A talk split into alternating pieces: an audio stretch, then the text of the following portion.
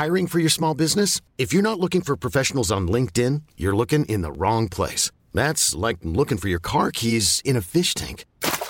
LinkedIn helps you hire professionals you can't find anywhere else, even those who aren't actively searching for a new job but might be open to the perfect role. In a given month, over 70% of LinkedIn users don't even visit other leading job sites. So start looking in the right place. With LinkedIn, you can hire professionals like a professional. Post your free job on linkedin.com slash achieve today. Hey, I'm Ryan Reynolds. At Mint Mobile, we like to do the opposite of what Big Wireless does. They charge you a lot, we charge you a little. So naturally, when they announced they'd be raising their prices due to inflation, we decided to deflate our prices due to not hating you.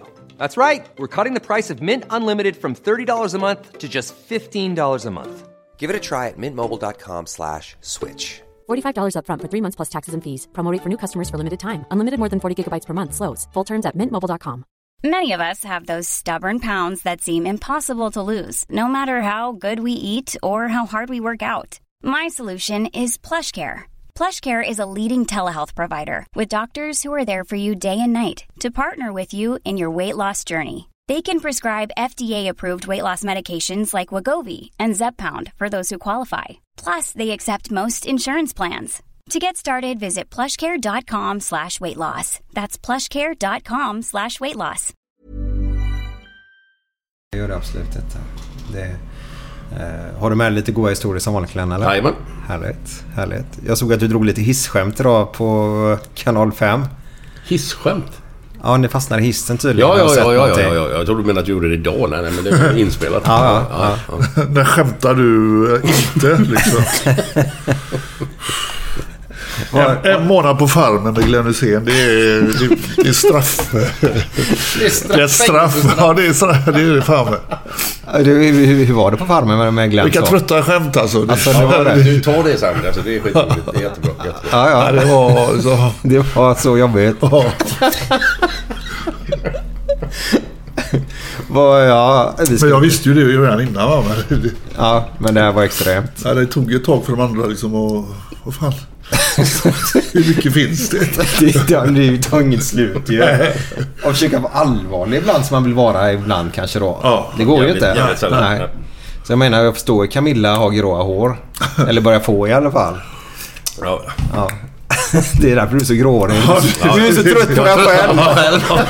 Trötta ut sig själv. Ja men kör nu Glenn. Okej. Nu är det fredag. Nu är det fredag! Nu är det götterna. götterna. Från Göteborg. Med Micke Månaden och Glenn Hysén. Välkomna! Götterna. Nu är det fredag. Nu är det fredag! Nu är det götterna. götterna. Direkt från Göteborg. Med Micke Månaden och Glenn Hysén. Välkomna! Götterna. Tjena, det var Glenn här. Idag eh, behöver man egentligen inte presentera den här människan utan eh, han kan presentera sig själv. Vad heter du? Ja, fan det var bra. Patrik Sjöberg heter jag. Det är Patrik Sjöberg! Wow! Och hans lilla hund här. Sotto. Han står i knä, knät på mig här nu. Ja, en jättesöt hörn som är 18 månader nu Patrik? Ja, han är ett äh, litet monster. ja. Vad är det för ras? Det är en Staffordshire bullterrier. Ja. Vad, är det en lugn typ av sort eller behöver han mycket motion och så eller hur? Nej, Alltså det är lite Duracell. Ju mer motion, ju mer aktiv blir han. Aha, Så okej. att det, det finns inget stopp riktigt. Är, är det sådana som man ser ibland... eh, Jag har sett ut på Kviberg där ibland när man var och tränade fotboll med pojkarna och detta. Så kommer det vissa hundar som släpar kedjor och sånt efter sig. Ja, det gillar han. Nu börjar han ju nog med en strumpa här. Ja, exakt. Och har lite dragkamp tycker han är jätteroligt. Ja. Det där kan han hålla på med i eh, fem timmar. Ja, det är så. Ja. Du, kan inte du förklara för de som inte vet? Det är säkert många som vet om det, men varför heter han Sotto? Soto är ju eh, Sotomayor, Javier Sotomayor som slog mitt världsrekord. Eh, kubanen. Eh, han var känd för många saker. Och bland annat att han hade långa vita strumpor upp till knäna. Och Soto, min hund då, har vita tassar. Så det påminner väl lite om Sotomayor. Var det därför du tog den eller? Ja, faktiskt. Det, var villkoret med. Jag, jag sa till min dotter att köper vi den hunden så ska jag döpa den till Soto. Hon vägrade först men nu tycker hon att det är det enda namnet han skulle kunna ha. Ja, vad härligt. Ja. Vad, vad, har, du, har du någon så här... eh, Är det, finns det lite hatkärlek där till den riktiga Sotomayor? Nej, fan jag... Jag gjorde massa tävlingar med, med honom och han lockade fram det bästa i mig. Liksom. Det var tuffa tävlingar. Eh, Att han tog mitt världsrekord, ja det, det får jag gratulera. Och han gjorde det ju ganska bra också. Han hoppade 2.43 och sen 2.44. Så att, eh, Ja, 2.45. och 45 sista. också. Ja. Så att, eh, det, det, Ja. men eh, nej, vi hade många bra och tuffa tävlingar. Jag var till och med i Havanna och intervjuade honom när jag hade min eh, tv-serie på, Mm. på TV3. Och eh, vi hade skitkul. Vad var den hette? Patrik Möter eller något sånt där eller? Ja, precis. Den hette bara så? Ja. För det- Bo- Bobo Krull sa ju det. Var inte du uppe i Finland med han eh, backhopparen? som Nycknen, sur- ja. Ja, för fan. Kan du inte berätta? Det måste ha varit... Det, det, var, det var en fantastiskt rolig resa. Vi gjorde uh, Joa Mieto var också med. Och så hade vi uh, Esa Tikkanen, hockeyspelaren. Så att vi gjorde en sån uh, femdagars i Finland. Och Matti Nyckinen, han är en väldigt speciell herre. Ja, Vi vet inte riktigt om... eh, han var påverkad av något, om man säger så. Ja, okej. Han var väldigt snabb i sina rörelser. Så att, eh, eh, det var väldigt svårt att... Det blev ganska roligt med för herr Nyckenen ville ha betalt eh, svart. Mm. Vilket aldrig var eh, på tapeten innan. Nej. Men det visade sig att han hade lite problem med skattemyndigheterna i Finland. Så att han ville ha pengarna svart utbetalade. ja, det förstår jag. Ja, och det kom med i programmet också. Nej, Och, gjorde det? Okej. eh, vi gjorde väl en liten grej av det för han, eh, han var lite märklig kan man säga. Ja. Men, Men, hur, hur stor var han i, i Finland liksom, under hans storhetsperiod? Jag tror eh, backhoppare i Finland och bäst i världen. Alltså backhoppning har ju en... Det är som spjutkastning. Det är också jävligt stort i Finland. Så Nyckenen var väl eh, och är kanske den största idrottsmannen någonsin i Finland. Men också den som har gjort bort sig mest. ja. Det är mycket knivslagsmål och... eh, Var det inte... Hade inte bara en dum fråga. Nu är jag lite ut på djupt vatten. Men dräpte han någon? Nej, det gjorde han väl inte, men det... vi såg väl att hans humör skiftade väldigt eh, Okej. snabbt. Ja. Eh, han hade väldigt eh, låg eh, tröskel för att explodera, märkte Ja. Det är snabba rörelser. Då får jag ju kontrast till Christer Pettersson. Ja, det är lite sådana rörelser vi tänkte på. Ja, det var så. Ja, eh, kanske lite, jag vet inte, gamla kristaller som Ja. härjade någonstans. Men Du, du sa där backhoppning där. Ja. För det, det, det vet jag ju att du, du, du är en bakfyllesport för dig. Ja, det, Ja. Ja, ja, jag, kan bara hålla med. Alltså. ja, ja, jag tror jag till och med nämnde det för nyckeln och det var ju inte, eh, det var inte så populärt. Nej, jag gillar inte det. Nej, Nej. Vi, vi klättrade faktiskt upp i det här jävla tornet. Det var ju högt som fan. Och helt plötsligt där uppe så, så avslöjade han att han skulle hoppa i OS i Sochi. Vilket vi hoppades att han inte skulle göra. För det, han var inte på långa vägar eh, kapabel till backhoppning. Men eh, han eh, stod på sig. Jag vet inte var han var med i Sochi. Men då när vi spelade in programmet då var han på väg att liksom Ja, okej. och det visar väl lite hur stor övertro han hade på sig själv kanske. Ja. Men, men det var ganska intressant det du sa där med... med eh, för jag vet ju att du har ju problem med bedömningssporter. Ja. Och, och det är ju en bedömningssport då. Ja, alltså där tycker man ju det är fräckt. De som hoppar längst eh, ska ju vinna. Det är ju skitkonstigt att eh, det kommer någon som hoppar kortare och ändå vinner. Ja, fast snyggare. Kanske då. det hade varit en jävla bra grej för, eller sport för Holm. Alltså det kanske ska bli höjdhopp med bedömning också på poäng. På, på hur vackert man hoppar. Ja, precis. Ja. Du, Patrik, jag har en fråga bara här. Mutas Essa Barshim. Vem är Du det? får gärna ta väck den när du pratar. Ja. Jag Ja. läste någonting om honom. Vad, vad är det för snubbe? Han är från Qatar. Uh, hoppat 2.43. Uh, har en eh, svensk tränare, eller han är från Polen från början. Men eh, det är väl Linus Tör- Törnbloms eh, förra tränare. Och han har ju hoppat eh, extremt bra. Eh, Men är det liksom doping och skit på en sån gubbe eller? Nej, det tror jag inte. Eller det, han tävlar ju så pass mycket så att eh, han är ju inte som... När jag var aktiv så kunde man nästan räkna ut vilka som dopade sig. För det var väldigt många som eh, gjorde kanske fyra tävlingar om året. De var aldrig med i mer än mästerskapet och kanske någon eller några tävlingar till. Då kan man ju börja fundera på varför hoppar du höjdhopp? Liksom, vad, är, vad är tjusningen med det? Vi eh, andra som tävlade 30-40 tävlingar om året, vi tjänade ju pengar på det givetvis. Där kunde man ju se ett mönster på de som då man kunde misstänka dopa sig.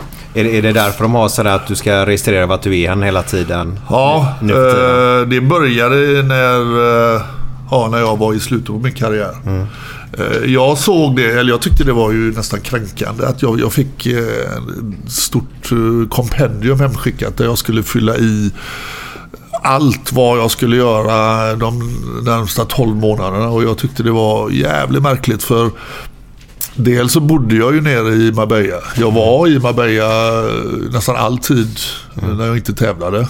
Jag var aldrig borta någonstans. Jag tyckte liksom att ska jag då timma för timma eh, förklara var jag är någonstans när de mycket väl vet var jag är. Mm. Men idag, ja det, det är ju villkoren för att... eh, Men det ser man ju, de har ju bluffat och klarat sig. eh, De som vill dopa sig idag, de, de gör ju det ändå. Ja. Det var det mycket öststater på den tiden. Öststatsfolk som eh, tävlar typ fyra, tre gånger per år. Ja, det var ju väldigt mycket. Sen så fanns det väl tvivelaktiga tävlingar där de inte, inte fanns några kontrollanter. Och, Ja. det, det, det kan ju då tolkas på ett visst sätt. Jag måste bara börja från början här lite grann med mig själv. Att säga tack Patrik för att du skrev din bok förresten. Ja, tack.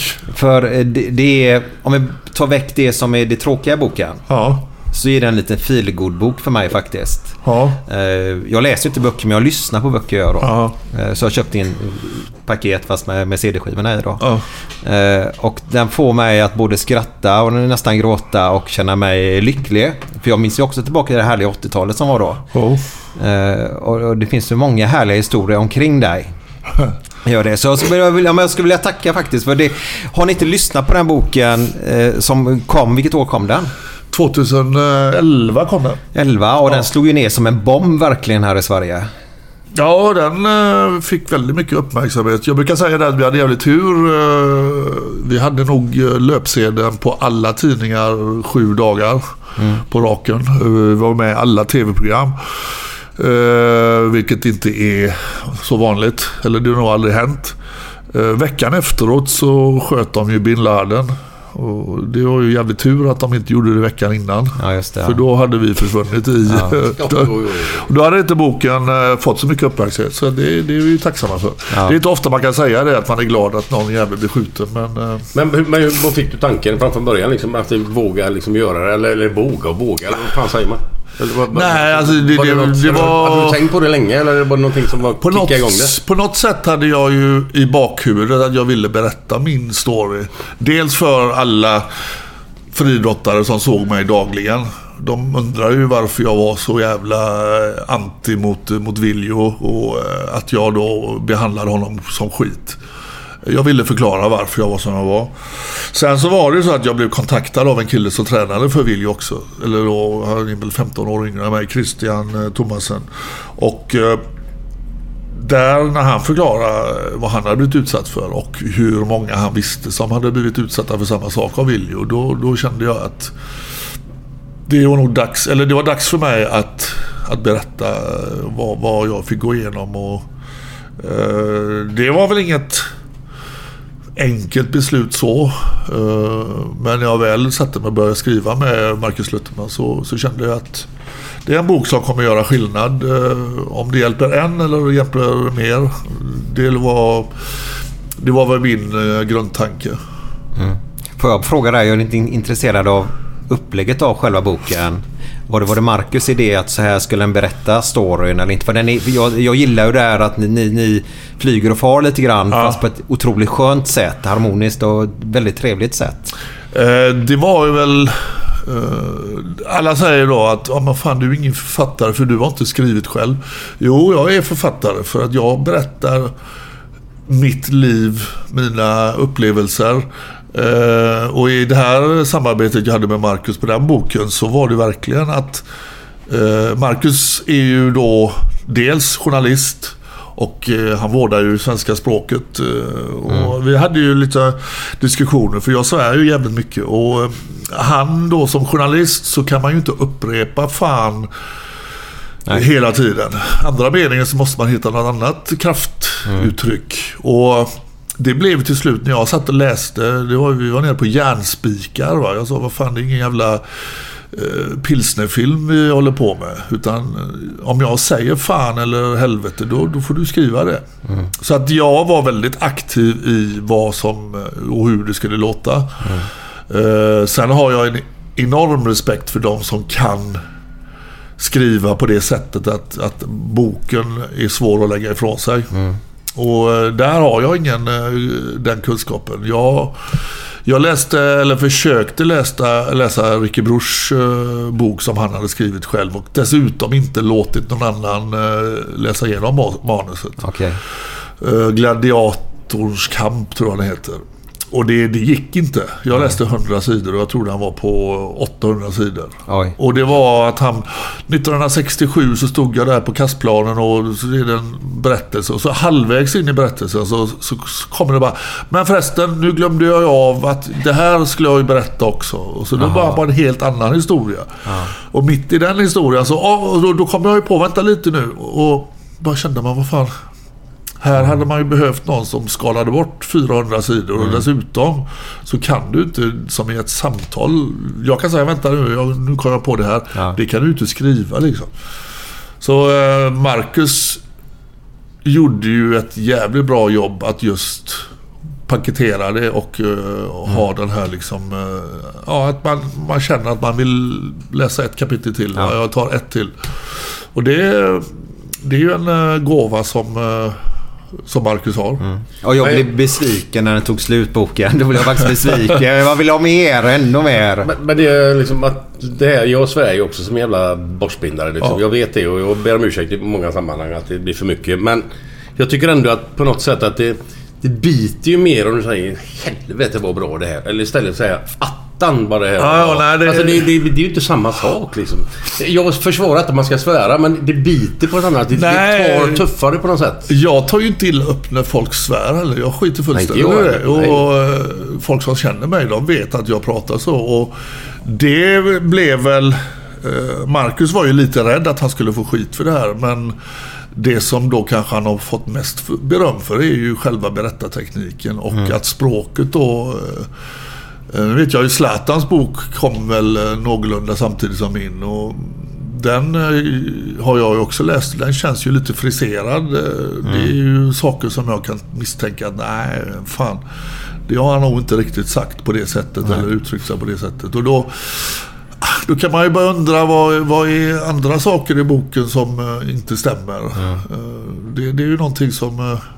jag vet ju, det var ju mitt krav att boken skulle vara berättad från, mitt, från min synvinkel och hur jag då eh, upplevt saker.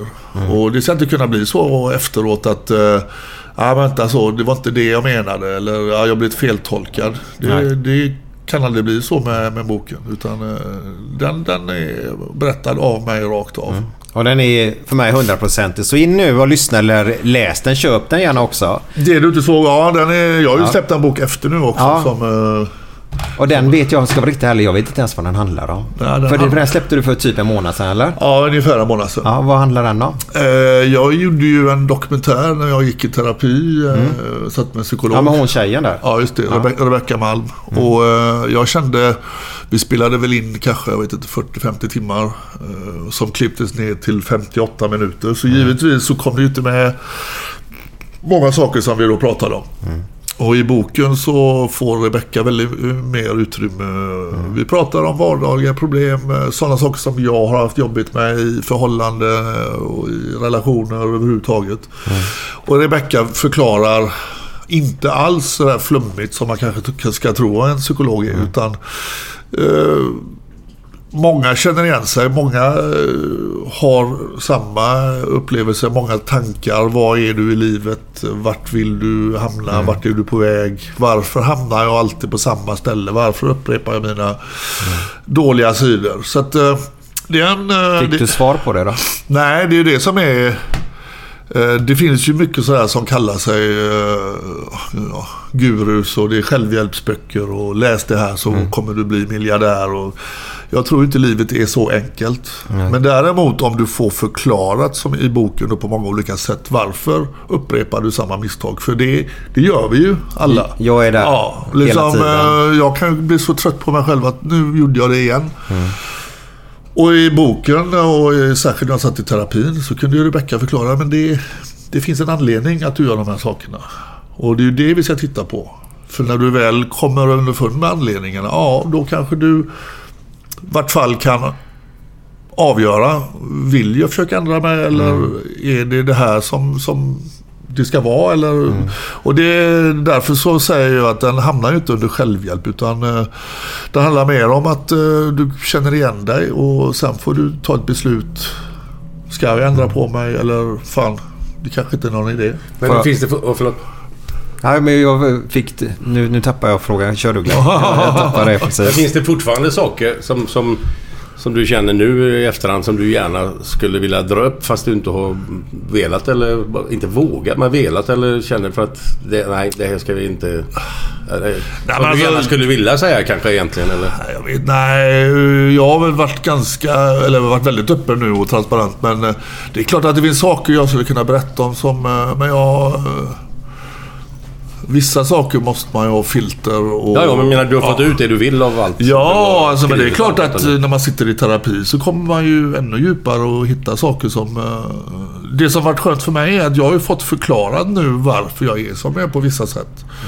Och jag har börjat att försonas med, med mig själv. Jag tar inte på mig... eh, Jag har ju alltid trott att, vad fan, allt jag har gjort liksom, det, det kommer från... Eh, jag är uppväxt ute i Frölunda, det är på ett visst sätt där ute. Och, men jag har ju eh, mer och mer börjat förstå nu att växer man upp så som jag gör då i ett kärlekslöst eh, familj där det liksom eh, har jag har inte fått den här skolningen man ska få. Liksom, hjärnan är ju mottaglig från kanske 4-5 årsåldern och upp till 15-årsåldern för oss då killar. Och där ska du bli programmerad som en dator i princip. Du ska få alla känslor, register och allting och det har inte jag. Och det är, alltså det, ju- det är ju jävligt dumt att tro att det där ska man kunna fylla på själv senare. Det, Har man inte fått det från början så då är det ju naturligt för mig att reagera på sätt som jag har lärt, lärt mig själv. Och det har ju varit att attackera, att bara ifrågasätta och eh, inte ta emot. Liksom. Det, det, inte visa sig sårbar. Då, då, då blir det som det blir. Nu är du jävligt jobbig Ja, Sotto. biter mig gött här nu. vad, vad, känner du att det är ett problem för dig med att du, som du sa, du sa attackerande där lite grann? eller Något? Ja, men det har ju alltid varit ett problem för mig. Det, eh, jag har ju alltid i förhållanden, jag har ju verbalt varit jävligt eh, hård och ett, jävligt eh, taskig och uppfört mig skitilla många gånger. Jag har aldrig varit fysiskt aggressiv, men jag har ju varit väldigt aggressiv, eller är aggressiv när det kommer till diskussioner eller när jag anser att jag har rätt eller när jag känner mig pressad. Då istället för att ta emot och, och eh, ja, be om ursäkt så har jag varit tvärtom. Och det, det har jag ju känt själv i, i många tillfällen. Fan vad jobbigt. Fan varför sätter jag mig i den här situationen hela tiden? Och, Men, men är det grejer du ångrar eller? Ja, det är klart man ångrar, men samtidigt idag har jag ju mer förståelse varför jag är där. Det, det har ju varit den lättaste och den bekvämaste delen för mig. Jag har ju kunnat... Eh, alltså när man attackerar så blir man ju sen själv attackerad. Och det där har inte jag några problem med att bli attackerad. Det känner jag mig jävligt bekväm med. För då, då kan jag försvara mig och jag kan styra hela eh, situationen. Eh, Tvärtom om jag skulle få massa beröm och presenter. Det, det tycker jag är skitjobbigt. Okej. Och eh, det förklarar ju Rebecka jävligt bra för mig, både i terapin och i boken. att Beröm och presenter, det var ju något som Viljo jobbade med då, som förgrep sig på mig. Och det där har ju hjärnan snappat upp att Fan, en present, eh, beröm, ja då kommer det med någonting som min hjärna reagerar på som är negativt.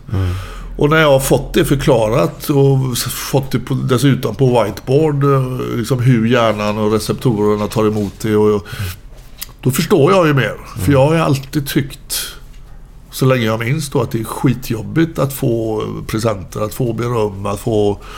Utan jag har bara varit bekväm i bråk och när det har varit kaos. Och det, är liksom, det, det, det, och då känner jag att då har jag kontroll över situationen. Men eh, det är ju många som förknippar dig med att du är jävligt liksom... Så här på liksom hela tiden. Ja. Men du, du har ju en, en, en annan sida. Förlåt. Du har väl en annan sida någonstans också som är jävligt...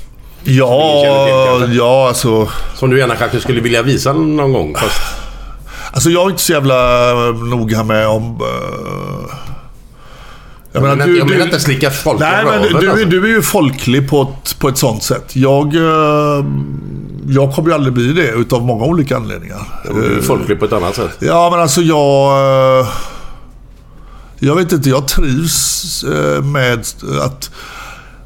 Att jag är inte allas egendom, eller att alla då... Jag, jag orkar inte stå och snacka med folk på stan. Jag tycker det, det är... Du sa att du tog vagnen ner idag. Eh, Jag har svårt för det. Och det är inte att jag... Jag har åkt spårvagn hela mitt liv, eller i vart fall min ungdom. Det är mer det här att jag vill inte hamna i en situation där folk börjar liksom prata med mig för att jag är igenkänd. Jag tycker det är skitjobbigt. Och eh, jag tycker det är skitjobbigt att ställa sig och prata på, på gatan med folk eh, som jag inte känner. Det, det, och jag kommer nog aldrig tycka det är roligt. Nej. Men vad skönt på ett sätt tycker jag att, att, att man kan känna så olika. Ja, ja, ja. För- Foto! Soto är lugnt. det är lugnt. Men Patrik, vi måste, ju- du, du pratar ju om Frölunda. Jag älskar ju gamla Frölunda. Jag är själv upp, uppvuxen där. Ja. Eh, för länge, länge sedan så var det massa lyssnare som var på oss och ville ta dig som gäst nämligen. Okej. Och var det en som sa, kan du inte fråga Patrik om ni får någon i podden? För jag, jag har hört att han är jävligt stolt när han sprang ifrån vakten. Stämmer detta eller vad? Vakten. eh, Vakterna då kanske? Ja, vi var väl på Frölunda torg väldigt ofta. Och vi, eh, ja, vi, vi stal väl rätt mycket i olika butiker. Och jag kommer ihåg, det var en gång när vi, eh, vi gick ut ur butiken och jag hade på mig en sån här bågnörjacka-kopia som var så här, ja det var innan Garryjackorna kom. Men där fick man plats med mycket skit under jackan. Och jag ramlade i den här jävla bommen som satt vid kassan. Ja. Och tappade ut massa grejer på golvet. Och det såg ju den här Securitas-vakten. Det var ju bara det att han... eh, Han sa först stanna här liksom. Och det, det, det är klart att vi inte gjorde det. Så vi sprang ju ner mot uh, spårvagnshållplatsen och då visste jag ju att det här staketet som var emellan, det fanns ett ställe där man kom igenom och det visste ju inte han. Ja, okej. Så att han, eh, han trodde ju nu är, nu är han fast va. Ja. Men jag slank ju emellan där och det var rätt kul när han stod på andra sidan. Det var ju rätt högt staket liksom så att då kunde man ju bara ställa sig och titta på honom. Ja. Och det kom jag ihåg. Men sen så kom jag ju på det att Ja, nu får man ju hålla sig undan från Frölunda torg ett tag. För att, Man syns. Ja, du, Ja. du var ju lång redan då. ja, men alltså vad fan. Det är klart att när man ställer sig och hånar en Securitas-vakt. Glenn, vänta nu. Går det, går det bra eller? Jag, jag sliter i en strumpa här med Ja, Sotto. under men om, om du inte sliter så Ja. låter det mindre. Ja, ja, Det, det är bara ett tips. I ljumsken annars. Eh, jo, jo, men, men det är ju en liten kick också. Ja, vad fan. Det var ju en seger. Han, eh, han trodde ju att han skulle ta mig. Ja. Vilket han borde ha gjort då om inte jag hade vetat om att det här staketet finns det en möjlighet för mig att komma igenom. Och han kom ju inte igenom. Nej. Och, eh, men sen så är alltid så ska man ju gå ett steg eh, längre. Så att ställa sig och håna en sån vakt. Nej. Jag tror han skulle känna igen mig idag fortfarande. Eller han vet att det är jag. Så att, eh, eh, men det, det har man ju i sitt DNA när man kommer från ett ställe. Att det, Han symboliserar ju eh, överheten på något sätt. Liksom, så att, eh, Men hade, ni, hade du mycket kompisar som var idrottsmän och så eller, på den tiden? Eller var det mycket gangsters eller, eller var det... så... Inte den tiden, nej, men, eh, ja, men många blev ju eh, kriminella. Det, det går ju inte att att, eh, sticka under stol med. Eh, jag känner ju många från, eh, från eh, den tiden. Och, eh, men idrottsmän, nej, vi hade väl inte... Frölunda var väl inte direkt stället de kom till och Jag hade ju till exempel velat bli hockeyspelare. Eh, Jag vet ju att handboll var ju rätt stort då och eh, basket var väl ja, fortfarande ganska stort. Fotboll var ju givetvis stort. Men eh, hockeyn kom ju aldrig till skolan liksom och ville liksom kolla för man hade talang för det. Nej. Och det var ju av en anledning att det fanns ingen utav oss som hade, skulle få ha råd att eh, köpa all utrustning. Jag menar Frölunda var ju eh, stora då men det var ju ingen utav oss ute i Frölunda som, som spelade i Frölunda. Liksom? Nej. Det, det, Nej, det jag- hade vi inte råd med. Nej, jag hade också en dröm. Min stora dröm var hockeymålvakt. Ja. Eh, Men jag hade heller inte råd att köpa utrustningar och eh, hela den biten. Men vi spelade ju hockey på, på gården. Ja, Landhockey ja. Ja. ja. Och eh, jag bodde ju granne med sportchefen i GP, Ulf Niklasson. Ja. Vi är uppvuxna precis grannar.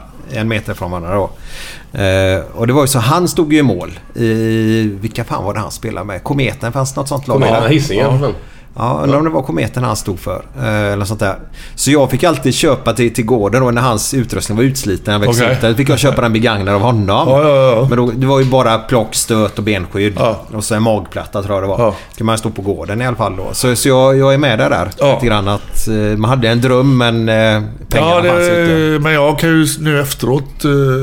Det var nog bra att jag inte kom in i hockeyn. Jag, om Broström var eh, mest utvisad. eh, Nu kan jag ju nog inte... Jag kan garantera att jag hade ju aldrig kommit upp i Broströms klass. Men om jag hade haft någorlunda talang, då hade jag hamnat... Ja, garanterat mer i utvecklingsbåset än Anders Broström. Och det hade ju för sig varit en merit. Enorm merit. Ja, jävlar alltså. Men du spolar ni isar på vintern? Kommer du ihåg det eller? Ja, vi, eh, na, vi, vi hade ju eh, en liten sån damm som vi brukade köra på innan eh, Rudalen blev till då. Sen var ju Rudalen konstfrusen från, jag vet inte fan när de började, i november redan kanske. Så att vi åkte ju skridskor hela vintrarna. Väldigt fint. På Rudalen, det är synd att det är... Ja, när jag växte upp och spelade fotboll uppe på Rudalen så Ja. var det ju alltså, det var ju folk där och ute och gick med hundar och ungar och så. Det var ju ett stråk där uppe men Ja. nu känns det som lite dött där uppe. Jag är ju sällan där ute men jag, jag har ju gått omkring där. Det, det har ju byggts mycket skit. och Det, det, ja, det är ju fortfarande ett fint friluftsområde. Oh, ja. Men då när man var yngre, man tyckte det var så jävla stort. Eh, Det är det ju inte riktigt. Nej.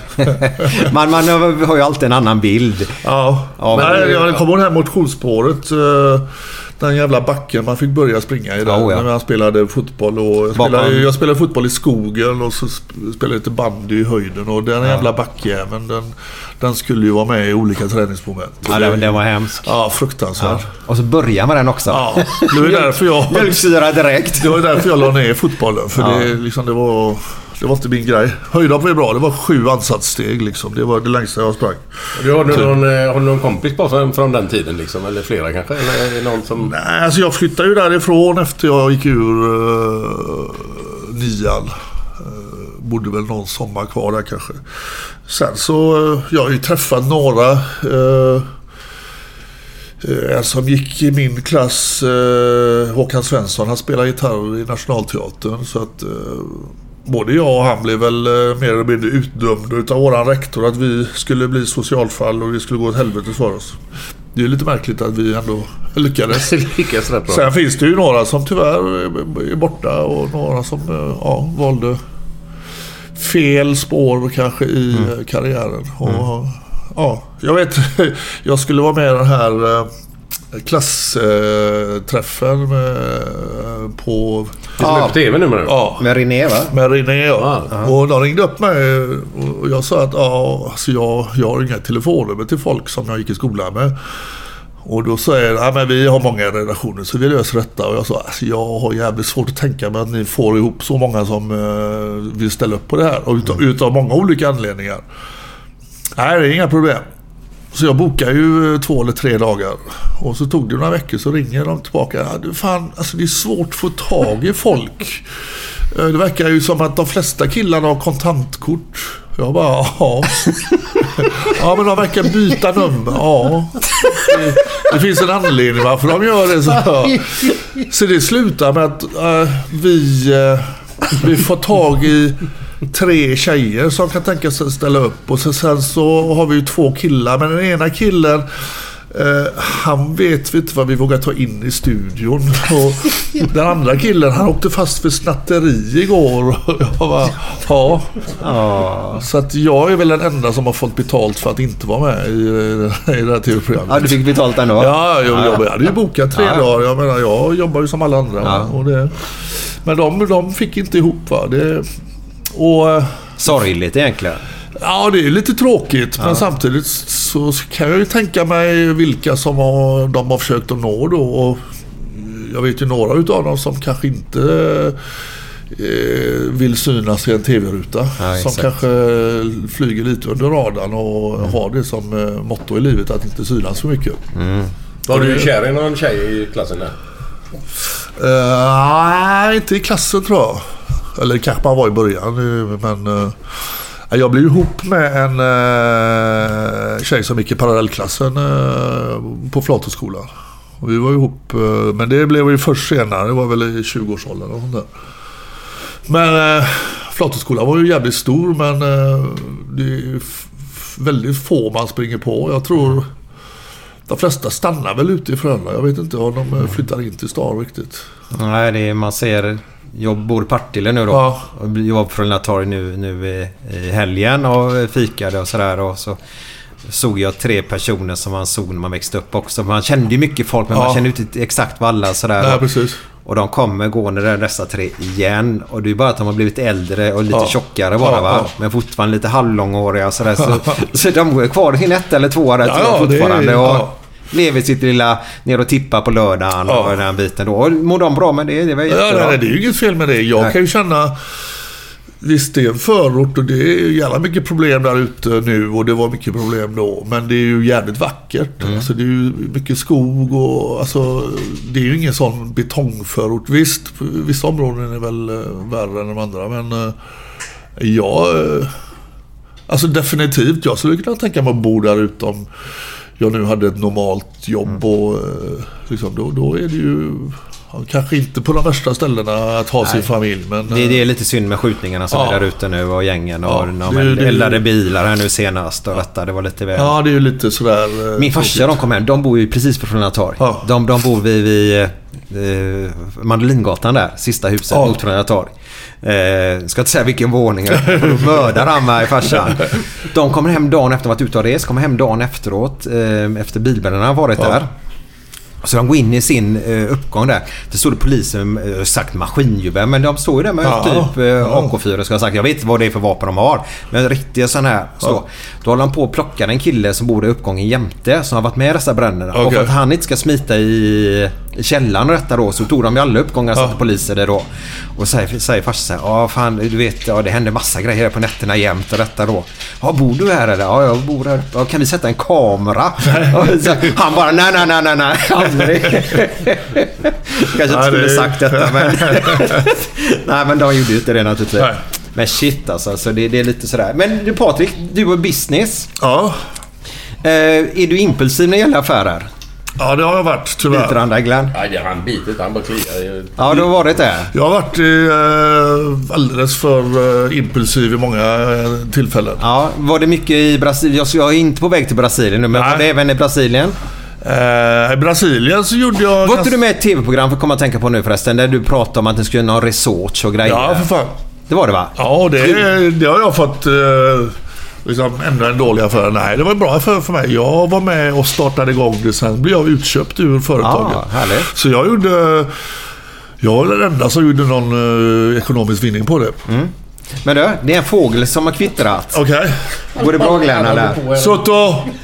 Äter, biter han lite sådär gött va? Ja, nafsar. Ja, nafsar sådär Det är ju härligt. inte ont. Eh, är du med nu Patrik då? Ja. Eh, det är en fågel då som har kvittrat då att du, du var väldigt nära att köpa en kycklingfarm i Las Vegas.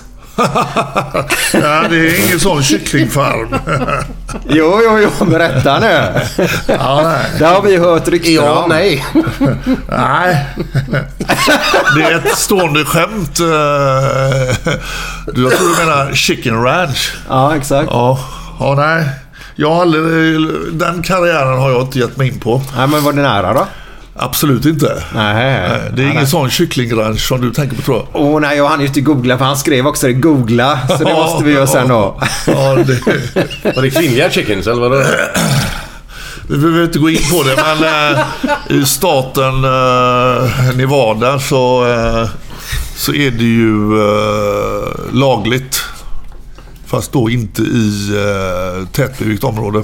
Ah, okej. Så att det har väl varit ett eh, skämt i vissa kretsar att öppna en kycklingranch. I, eh, men nej, det har inte Nej. varit min... eh, Ah, nej, nej. Då, då kör vi Jag vet lite, vem du har ringt nu också. Kör vi lite fredagskänsla.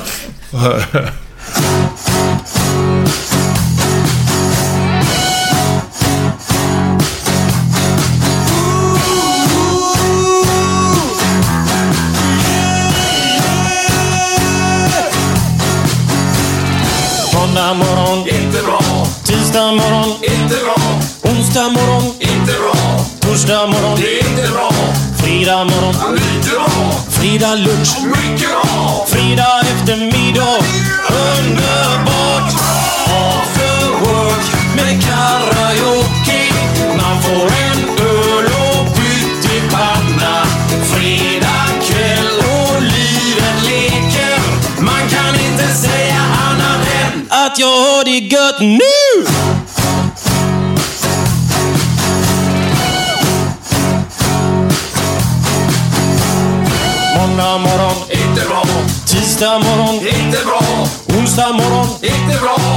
Torsdag morgon, inte bra. Fredag morgon, lite bra.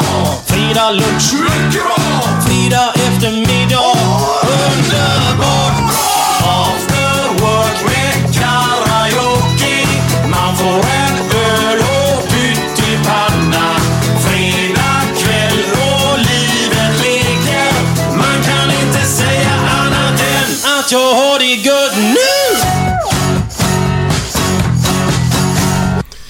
Jo, det var så här. Det var en ekorre som var lite småkåt. Vänta, nu måste jag bara gå in och förklara innan du fortsätter med din lilla småkåta ekorre. Det här är dagens nivåsättning som vi missade förut då. Så vi spelar in det efter och lägger in den nu då. Jag bara säger det. Så här är nivåsättningen. Ja. Ja. Här är nivåsättningen. Det var en ekorre som var lite småkåt, så han hoppade omkring i skogen. Så mötte han eh, räven. Så frågade han räven. Knulla aktuellt eller? Är du dum i huvudet din lilla jävla fjant? sa han. Stick åt helvete, sa räven. Han hoppade vidare. Träffade han på grävlingen. Hallå grävling, sa han. Är du sugen på att knulla lite eller? Nej din jävla idiot, sa han. Stick din lille skit, dra. Så hoppade han vidare liksom. Kommer kom han fram till björnen. Så frågade han björnen. "Är du Sugen på lite, eh, lite sex eller? Ja för fan, sa björnen. Det är inga problem. Bra!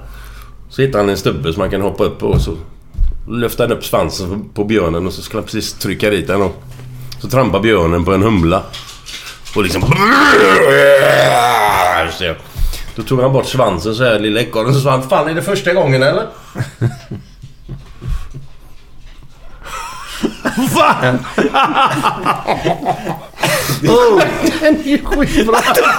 Jag tycker alltid de är roligast själv. Ska vi filma det Glenn? Tårarna sprutar nu. Söt. Har du? Ja. Jag har hört Du en grej. det. Ja, jag har hört en grej Patrik. Eh, vad betyder fytt? F-I-T-E. T. Ja, Det kommer jag och eh, Gansa ta med, sig, ta med oss i graven. är det så? Ja. Ja. Det är många som har rättat sig på det. Ja, vi vet ju inte vad det betyder. Nej. Vadå F-Y-T? Ja, Stora bokstäver med. det, det, det är någon hemlis de två har nämligen. Är det? Okej. Vi vet. Ni vet ja. Och den kommer förvaras till graven. Ja då. Och det spelar ingen roll vad man eh, lockar dig med. Nej, det är många som spekulerar. Många de har inte en susning vad det betyder. Och det är ganska roligt. Ja, det är ju görkul. Ja. Ja. För är det många som är intresserade va? Ja, alltså vi brukar skriva det till varandra öppet på olika medier. Med Facebook, eh, Instagram och... Ja. Så att vi vet om vad det handlar om. Men sen har jag då som inte då... För det var faktiskt Mattias som trodde att du skulle berätta det. Ja, nej. Men då gick han på nöten. Nej, eller det vi det. går på nöten. Ja, men liksom. Ja. då, då, är, då är tirsdag. Tirsdag. Ja, var- det är mer Gansa. Det är inte jag. eh, Okej. Det, Nej. inte- det är inte min grej. Nej, det var någonting som kom i mitt huvud nu Ja, bara. ja. ja det, det, den får Gansa ta. Den får Gansa ta själv. Ja, Okej. ja. Ja. Men eh, vi kör vidare med podden då Glenn. Det gör vi. Ja, där var han ju igen. Björn Rosenström med After Work. Den har du hört eller? Nej. Nej. Ruggig bra låt. Ja, Ja, nu måste jag bara ta en annan grej då. Vi, vi skulle ju börja prata om en annan grej tyckte jag Glenn här då. Men, men vi var inne på musik här. Du hade inte hört den After Work med, med Glenn, eh, Björn Rosenström Björn då? Glenn Rosenström. Men, men du har sett Kiss spela utan smink? Ja, det har jag gjort. Det är inte många som har gjort va? Och det var på den tiden där det var superhemligt vilka de var. Ja. Och jag var inget stort Kiss-fan men... Eh, Vilket år är vi på ungefär? fan kan det ha varit 70 när de var här första gången? Vad kan jag ha varit? 12-13 år kanske. Ja. Det var på Skandinavium och uh, Viljo då, han jobbade ju som vaktmästare där, eller ja, allt i allo. Så att jag fick ju se väldigt mycket konserter under de åren och även då på dagen när de byggde upp scenen och soundcheckade. Så jag har ju sett Richie Blackmore stå liksom och köra Så, så du, du, och... du, du hängde där bara? Ja, ja, jag hängde där och jag vet då när Kiss var där då... Och då Richie Blackmore, det är han i Deep Purple. Ja, eh, jag såg massa olika band. Och, men då när Kiss var där då... Då skulle de soundchecka och då tömmer de hela Skandinavien. Detta var mitt på dagen. Och av någon anledning så struntade de i mig liksom. Så jag satt på, liksom, eh, bak eh, på, på parkett på en stol. Och ser då ett band komma upp och, bara, och jag var ju ingen riktigt fan. Och jag tror den första låten var nog ingen Kiss-låt utan de, de körde bara någon, eh, ja bara för att stämma av. Och sen kände jag igen en låt och tänkte vad fan. Och det var alltså fyra snubbar som stod på scen osminkade i vanliga kläder. Och det var ju liksom Kiss då. Och detta var ju långt, långt innan det fanns mobilkameror. Och, men då hade jag ju kunnat bli riktigt eh, rik. För att det var ju hela deras grej. De var sminkade och ingen visste hur de såg ut. Liksom. Och, Fan vad coolt. Ja, det var synd att jag inte var riktig fan alltså. För Ja. det, då hade jag ju liksom kommit ihåg vad det var för låtar de körde på soundchecket. Och, Men såg de normala ut eller var de långhåriga, skäggiga eller vad var det? Ah, Jag kommer ihåg den som jag tyckte var fräckast i eh, bandet var ju Ace Frehley, gitarristen. Och han såg för jävlig ut alltså. Han, Alltså utan smink? ja, ja, han var liksom fyllesvullen och eh, alltså han...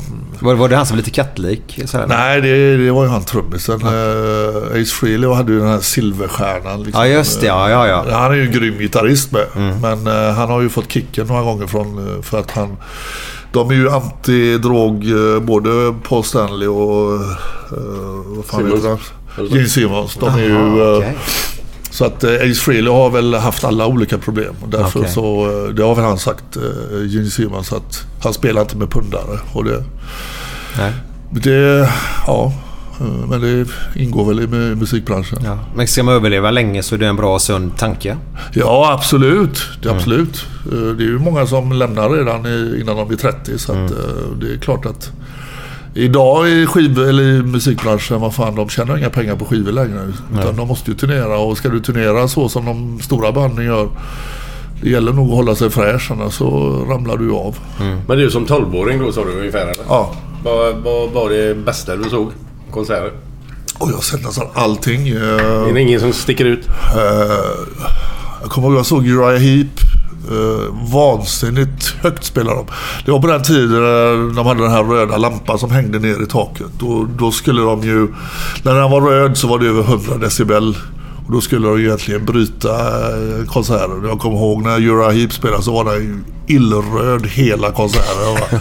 Det var som bas så man nästan mådde illa och det, det, det kommer jag ihåg. Men så, jag såg Alice Cooper, jag såg eh, Rolling Stones har jag sett där också. Jag har sett varenda jävla band nästan. Och du varit på Ullevi och sett de flesta också eller? I första åren då på 80-talet, då tyckte jag det var...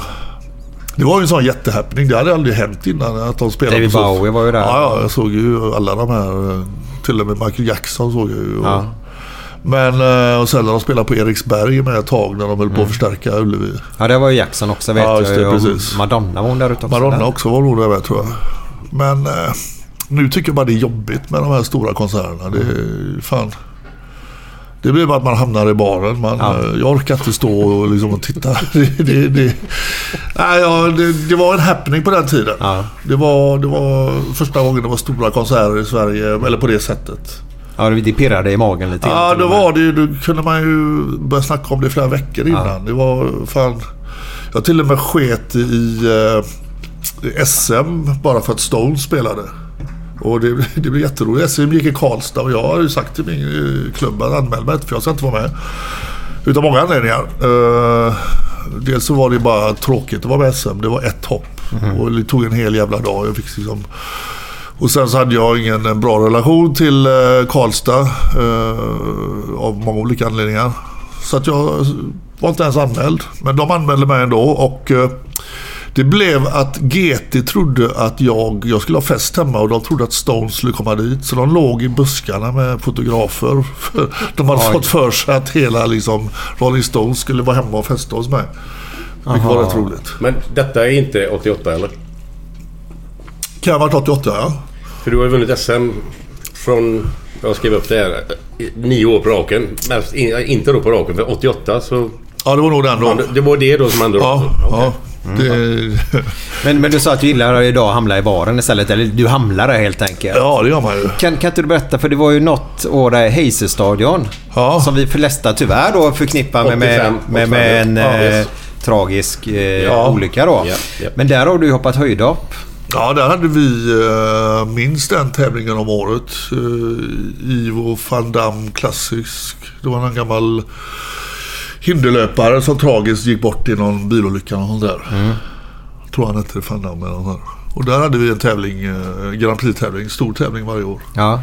Men uh, ja, självklart förknippar jag ju det med den olyckan också. Vi tävlade ju faktiskt där. När var olyckan? 85. 85.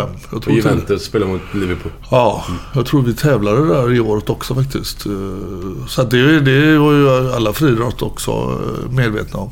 Men, men det var ju någonting med att där hade ju en bar till er efter Ja, alltså det hade, de, det hade de ju i alla stora... Var det så? Ja, men eh, just i, i, i- i Bryssel var det ju fantastiskt bra. För baren låg alltså i höjdhoppskurvan. I, man gick rakt ut från kurvan. Eh, Det var innan de byggde om hela eh, arenan. Och på gat eller marknivå så låg det en jävligt så, eh, belgisk bar. Alla satt och rökte eh, sådär korta cigaretter utan filter och det var liksom stora ölsejdlar. Så att eh, det var ju kanske den tävlingen som man Ja, man var inte så jävla ledsen för att man åkte ut först liksom. Nej. det, det var helt okej. Det var ofta så var ju tävlingen i slutet på säsongen och eh, nu så var det inte så att man gjorde sig till men hoppar man dåligt då var ju baren jävligt nära och det var ju standard. Alltså det, den som åkte ut först såg till att det stod kalla öl tills de andra kom ut liksom. Och eh, till och med de här som inte ens var insatta i det. Liksom, man kunde bara asgarva. Mm. Helt plötsligt så står det en ryss i baren. Liksom, så ser han att det sitter sju höjdhoppare i ett hörn. Liksom. Så att eh, det var... Jag tror vi hade mycket, mycket roligare på något Mm. sätt än vad det blev sen eh, generationerna efter oss. Mm. Vi, vi hoppade dessutom, även om han den lille korte säger att det var inte alls bättre. Mer än lille korte. Men Hal naturligtvis. Det, det, det var... eh, Vi hoppade faktiskt. Det var lite svårare att vinna. Och det gjorde ju att vi hoppade högre. Eh, Stefan Holm har ju tyvärr fått sitta Emotsagd i eh, Aktuellt eller Rapport och blir intervjuad. Där han säger att det förekom ju mycket mer doping på Patrik Sjöbergs tid. Däremot tror jag inte Patrik Sjöberg dopar sig. Han fick ingen följdfråga ens och det kan jag reta mig jävligt mycket på. För Stefan Holm var inte med på den tiden så han vet inte vad det handlar om. Han ska hålla sig till sina jävla tabeller och siffror. Något annat ska han inte snacka om. Kände du det som ett påhopp då? Ja, det var verkligen ett påhopp. För det, jag fick frågan så här, alltså, men vilka är det då han pekar ut? När, när han kommer med ett sånt påstående så får man gärna... Alltså, det får finnas fakta med i bilden. Men hur, är det, är det, finns det några som har blivit dömda? Nej, det är ju det jag säger. Att, att eh, när vi då tittar på historiskt sett. Eh, under min tid så var det en grekisk höjdhoppare tror jag som hoppade 2.25 någonting som åkte fast. Och så var det en finsk höjdhoppare som hoppade 2.20 som åkte fast. Det är under... Och sen då Sotomayor, han åkte ju fast efter jag hade slutat. Så vad då Stefan Holm baserar sitt påstående med, det, det undrar jag liksom. Det, det, Jag, jag var inne och kollade lite grann där för jag, för mig är 80-talet är ju gåshud alltså. alltså. Man följde ju verkligen eh, höjdhoppstävlingarna. Det var ju alltid sista tävlingen på alla mästerskapen också. Ja. På söndagen där. Alltså, precis. det var ju så enormt stort. Helst då också när du var så duktig Patrik då. Eh, och världsrekorden från 80 till, till 89 där Ja. steg ju från 2.34 upp till 2.44. Ja. Alltså en stegning på 10 centimeter. Och det var inte bara en eller två personer som var uppe utan ni var ganska många. Precis. duktiga tyskar, ryssar, Sotomayor och så du då. Och så en kines med eh, som helt plötsligt dök upp. Så att, eh, Ja. ja. Eh, dök upp. Men men, men, men, men, var fan kom han ifrån då? Alltså, han kom från ingen som vet. Jo, men, ja, men inte det då. Mamma, Jo. pappa. Jo, men alltså, Nej, men, då, då kan man ju börja undra vad det är frågan om. Nej, men alltså det var, det, var rätt, det var rätt intressant för eh, han fanns med i statistiken eh, i några år innan redan. Eh, hade problem eh, med skador och han hade väl två, två, tre år där han var jävligt bra. Och sen så, men han hade ju en eh, teknik, en stil som var, man såg var jävligt påfrestande. Jag, vi sa ju direkt att ja, han kan hoppa jävligt högt eller också så kan han ju bryta hela foten eller knät för att han hoppar så jävla konstigt.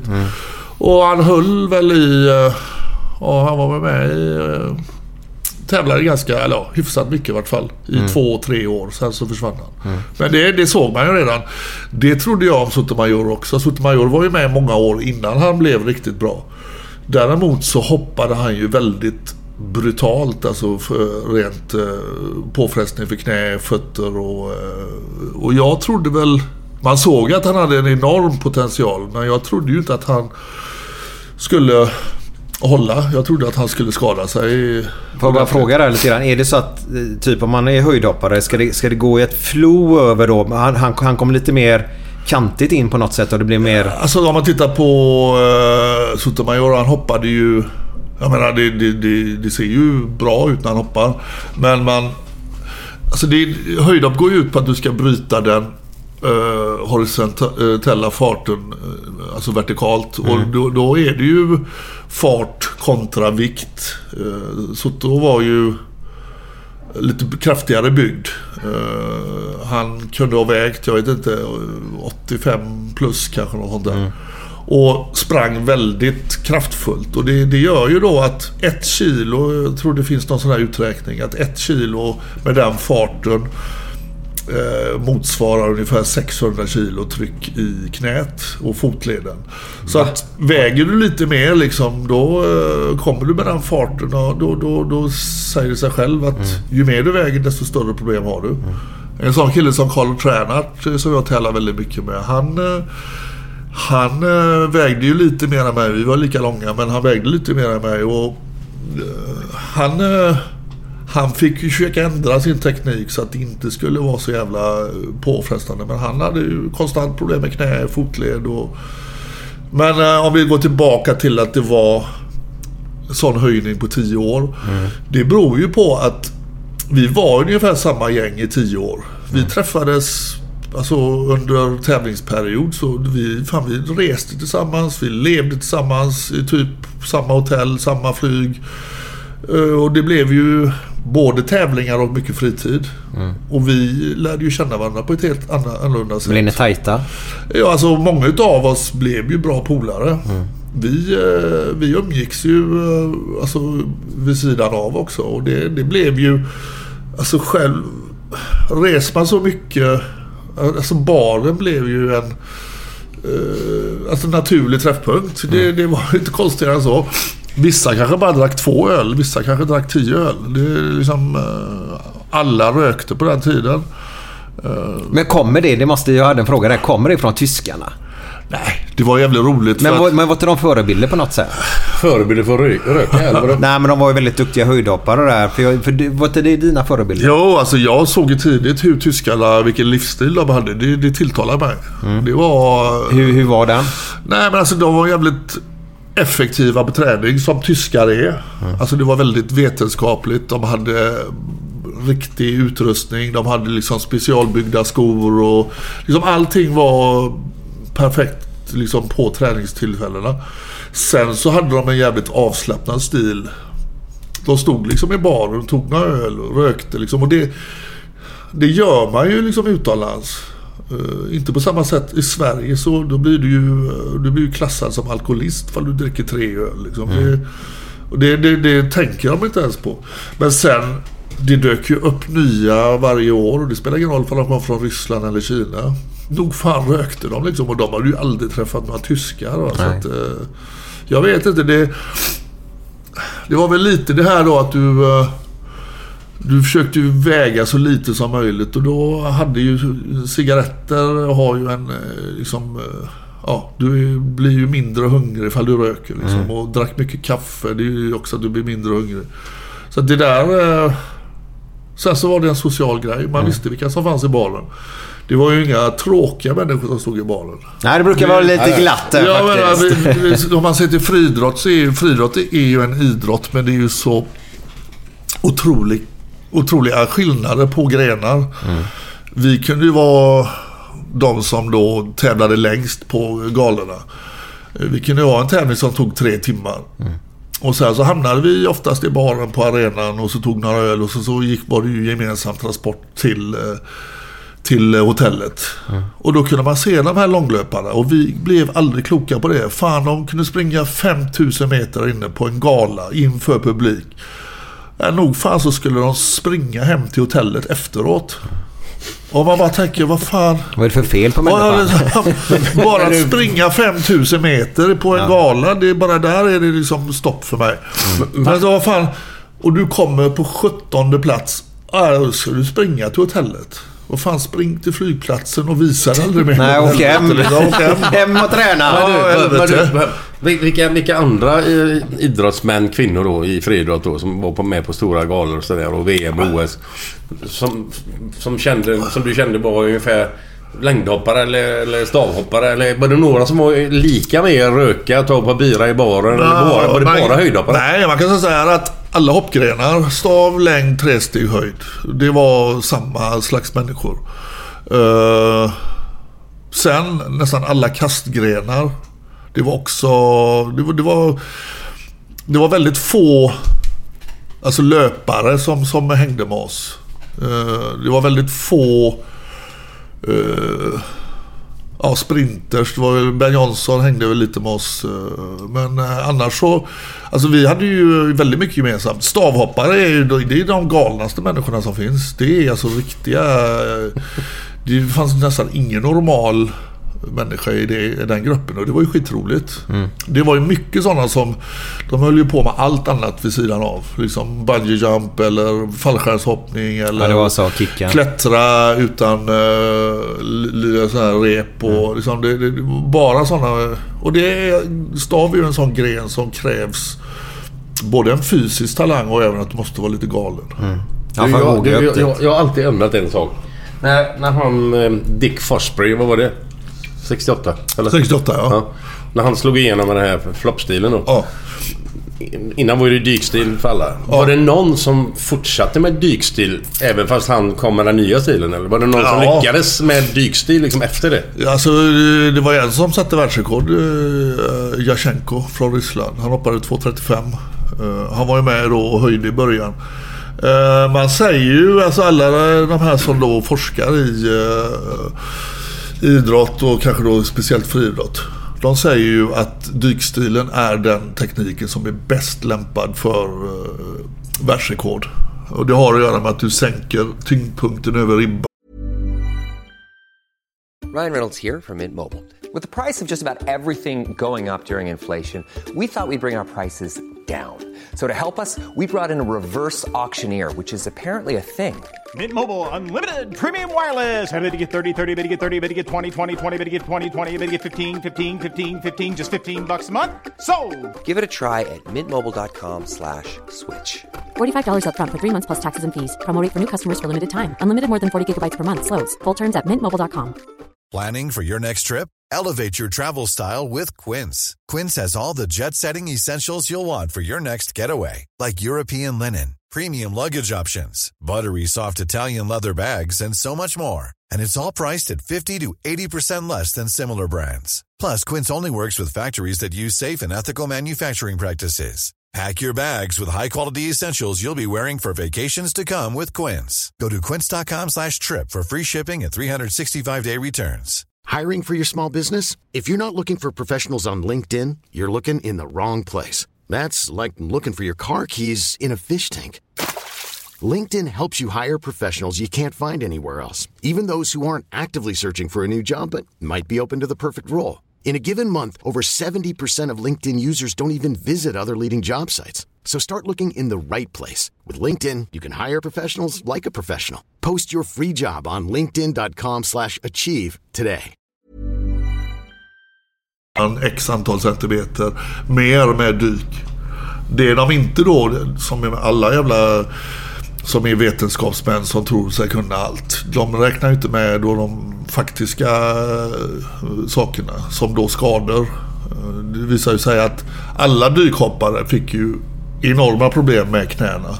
För att det var väldigt brutalt. Eh, Floppen blev ju lite räddning för att det blev en eh, mindre belastning på knä och fötter. Och man kan säkert sitta på skolbänken och räkna ut att dyk är det bästa men eh, det, det är ju ingen som hoppat över, över 2,35 i dyk. Att, eh, Har du testat någon gång liksom på skoj Ja, någon gång? När, du ja. var, när du var i, i ditt bästa liksom? Ja, Testade ja du jag hoppade 2,07 tror jag i dyk. Och, eh, eh, man river ju med en kroppsdel som vi eh, män har. Och det är inte så jävla skönt. Nej, nej, ju, ju, mindre, man, ju mindre den är ju, ju Ja, bättre och jag som eh, inte är mindre. Måste tilläggas. Du har varit jävligt bra i det Glenn. Glenn har tagit världsrekord. Ja. Men du pratade om vikten med Sigurd om man höll ner. Hur, hur såg din kropp ut när du var som mest vältränad? För jag har ju hört ett eh, rykte om att dina vader var större än dina lår. Nej, jag har Eller- aldrig haft vader så att det stämmer inte. Nej, det stämmer inte. Nej. Tack. Nej. Jag Jag, sa- är va, vader, det kan du fråga vem som helst som uh, sysslar med till exempel bodybuilding. Ja. Eh, Är du genetiskt eh, inte utrustad med stora vadmuskler så får du inte det. Det är alltså den svåraste muskelgruppen. Däremot var jag fruktansvärt stark i mina vader. Men jag har långa eh, underben och därför har jag också väldigt Smala då? eller? smala. Fast däremot däremot hade jag jävligt stora vader så det såg ändå konstigare ut. Eller jag hade så stora lår, lårmuskler då, som Ja. gjorde att vaderna såg ut som sugrör nästan. Ja, tack.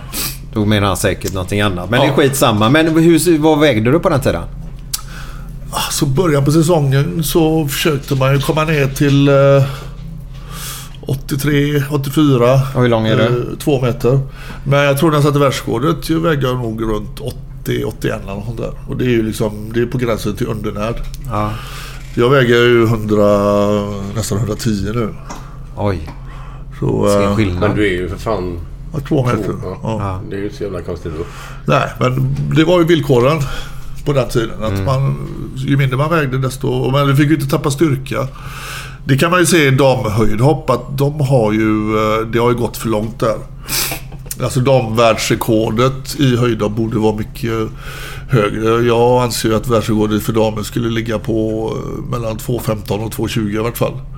Men... eh, Varför? Nej, alltså det... Vad är det nu? Förlåt, vad är det? 209. 209. Eh, ja, alltså man, man, eh, man har ju anammat det här då vikt lite, eller så låg vikt som möjligt. Man ska väga så lite som möjligt.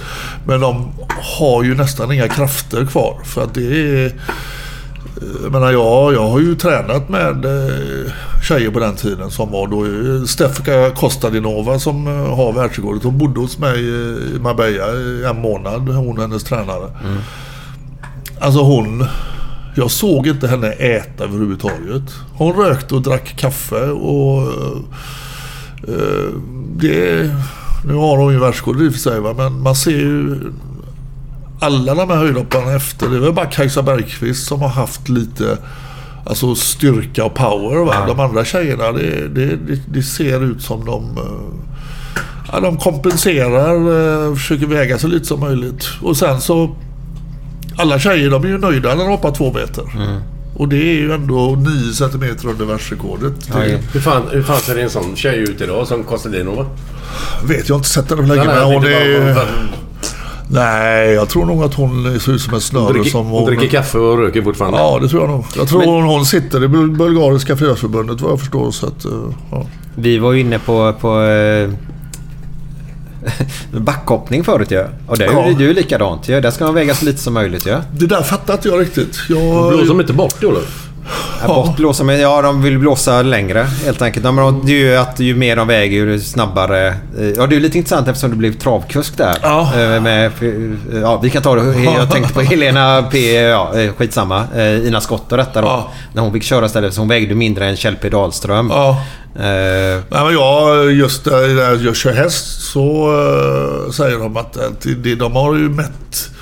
Det spelar inte någon större roll liksom, eh, vikten om det är på en torr bana. Men om det är då... eh, Blöt bana. Ja, och men där är det också vissa hästar gillar att springa på en blöt bana eller en, en Mm. jobbig bana. Vissa hatar det. Så det, det man kan ju inte fråga en häst vad han tycker. Nej. Och grejen är att hästen vet ju fan inte om att den har en vagn bakom sig. Eller den, den tänker ju inte på det sättet. Nej.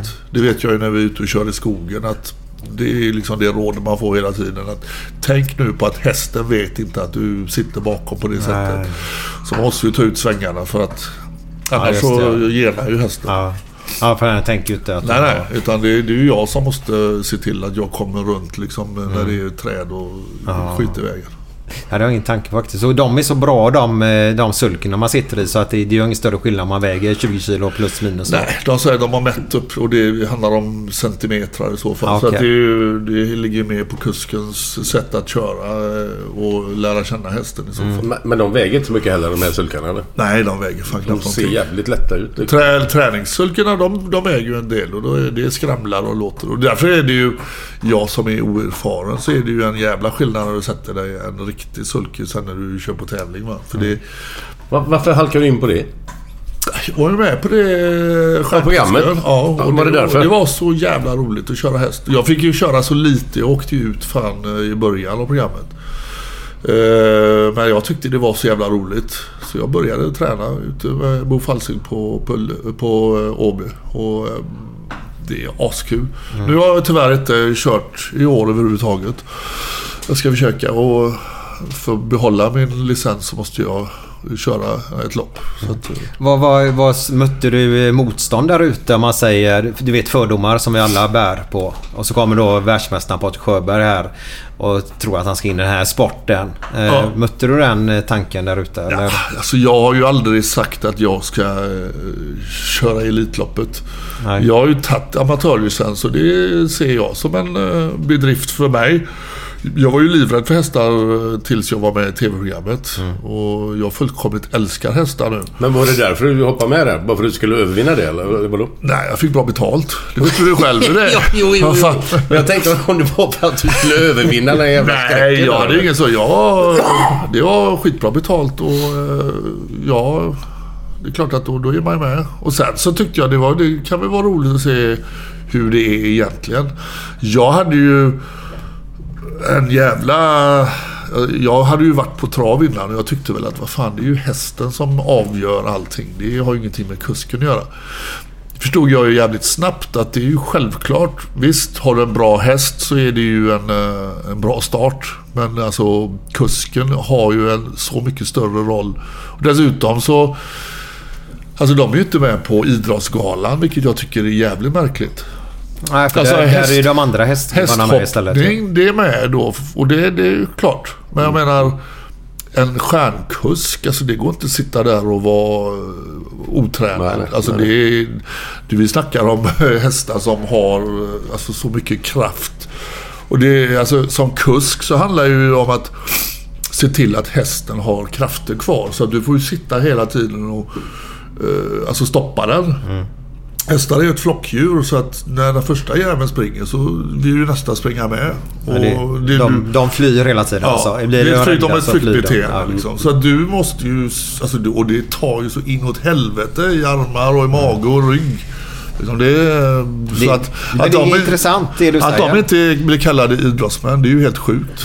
Men nu, nu är vi inne på andra saker här. Men, men jag måste ändå fortsätta lite grann på hästarna här då. Det här de rycker ur, är det öronen Tussarna. de rycker ur tussarna? Ja. Är det bara för att de ska få en jävla kick eller? eller det? Ja, det, det finns många olika sätt när det är upplopp, när det är... eh, Alltså det är ju en maxad upplevelse att sitta i ett fält där det är jämnt. För det är alltså millimeter som det handlar om om du ska få eh, tid att komma ut.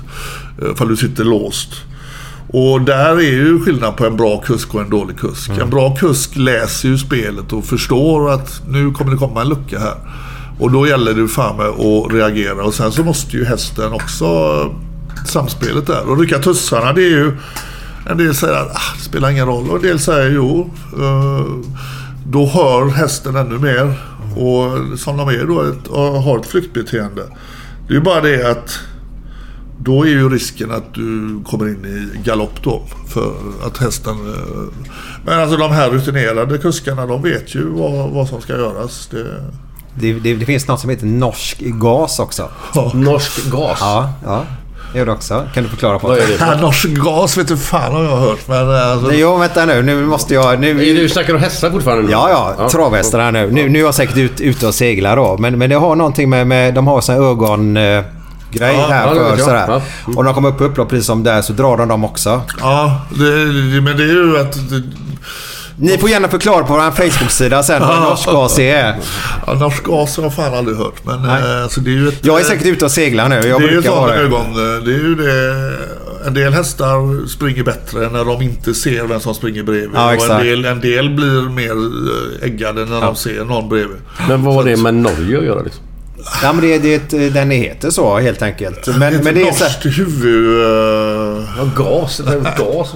Ja men du gasar ju sista, det är ju sista 100 metern och du drar denna. Ja, ja, Och då får den ju sista energin att den ser mer och så drar den väl vidare då. Ja, Förklara gärna på vår Grejen är att Facebook-sida. en häst ser ju nästan sin egen röv. Det är det som är grejen. Alltså, Är det så? de, de, de ser ju... Har de sådana ögon så de ser åt Ja, alla alltså, jävla de, håll? de, är de, ser ju väldigt mycket åt sidorna. En del hästar har jättejobbigt när de eh, har då tio hästar som de eh, då har lite halvfokus på. Ja. Därför så stänger de ju av... eh, Så här synfältet då. Ja, precis. Så att de ser framåt. Framåt bara. Dit de ska helt enkelt. Men Patrik, jag har hört. Eh, hotell... Nu ursäkta mitt eh, uttal här nu Ja. då. Men vi, vi ska se var vi hamnar här nu. Hotell Anglis i Stockholm. Vad var det egentligen som hände i entrén? Anglais. Anglais heter det så? Anglais, ja. Vad tar jag då? Anglis. Anglis. Ja, men det spelar fan ingen roll. Vad var det som hände i entrén? Nej, de... Uh, Stockholm, det, Pretto, det ligger ju precis vid Stureplan och jag bodde väldigt ofta på Agnä. Trevligt hotell. Eh, byggde de om och hade bar i receptionen, vilket också är jävligt trevligt. Eh, det är, tyvärr anlitade de fel eh, vaktbolag. Så när jag kom hem någon eh, natt, då var det... Då hade de stängt baren, säger vakten då. då det skiter jag fullständigt i. Jag, jag ska inte bara... Jag, bor här. Ja. Och då skulle han då... Han skulle då visa sin makt. Så han menar på att nej, jag kan inte släppa in dig.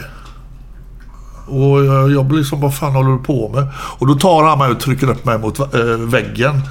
Och så kommer en annan sån här äh, vaktsnubbe, sån här anabola biff. Och hjälper honom då. Och jag liksom, f- fan, tar upp min nyckel, min nyckelkort. Och då säger han, ja det är många som går runt med sådana nyckelkort. Hur vet vi att du bor här? Och jag bara sa, det skit du i det, jag bor här. Dagen efteråt då ville jag ju eh, träffa hotellmanagern och, eh, eh, och det, det ville inte de prata med mig i receptionen. Och jag sa okej, då vill jag ha namnet på den här vakten som jobbar här igår. Och det fick jag inte. Eh, sen tog det några dagar så blev jag ju kontaktad av eh, hotellet och då visade det sig att de här vakt, eh, vakterna hade gjort det mot väldigt många som bodde på hotellet och de hade numera hade bytt eh, vaktbolag då. Och, eh, men jag tyckte inte att det var någon eh, riktig ursäkt. Nej. Så att jag bor aldrig på Anglais mer. Så att det var det som hände. En kund Det, men det är mindre. det som ligger vid, eh, vid, vid, vid Humlegården då? Humlegården, ja. ja. Han blev lite stressad då vakten för han förstod väl, han kände igen mig till slut. Och jag bara frågade flera gånger. Du, eh, kan jag få ditt namn så kan vi ju ta detta någon annan gång. Och, eh, de är ju väldigt kaxiga de här gubbarna som har en bricka på sig. Men eh, när de inser att de har gjort fel istället för att göra en pudel och be om ursäkt. Och, ja, då slår den här eh, ja, vet inte, ärthjärnan till då. Eh, För mycket anabola och för mycket eh, självförtroende. Tyvärr. ja, det är jävligt Har, konstigt. har du varit med om något liknande någon gång innan så? Eh, nej, inte på så förnedrande sätt. För det, var, ju- det, det, man såg att de verkligen njöt av det med. För att det var ju ganska många som försökte komma in. Både alltså, folk som bodde på hotellet och folk som ville in till baren då. Så att det, det där är ju då ett... Jag vet inte om du har upplevt det Glenn också. Att det, det, I många tillfällen är det ju eh, positivt att vara en känd person. Men när man träffar de här människorna som är då ja, totalblåsta, då, då är det ju ingen fördel. För då, det har ju hänt att eh, just eh, i sådana situationer att då, då, då vill de ju visa att här är det jag som bestämmer. Jag har aldrig kommit hem så sent på nätterna någon gång så att jag har undvikit det faktiskt. Du har haft bortamatcher. Risken är nog väldigt stor tror jag.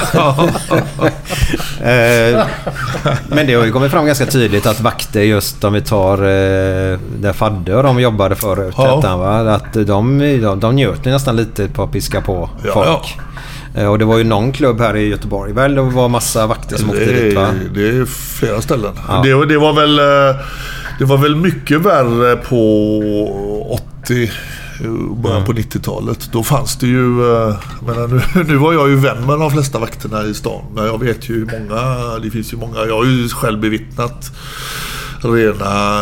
Alltså... Ja. Nu är det väl ett visst klientel som också gillar att bråka med vakter. Så att det där var väl eh, på något sätt en... en eh, det var kanske lite ärligare på 80-talet. Idag vet ju inte vad, vad folk har med sig. Ifall de har med sig knivar eller pistoler eller vad fan det än är. Den tiden var det väl...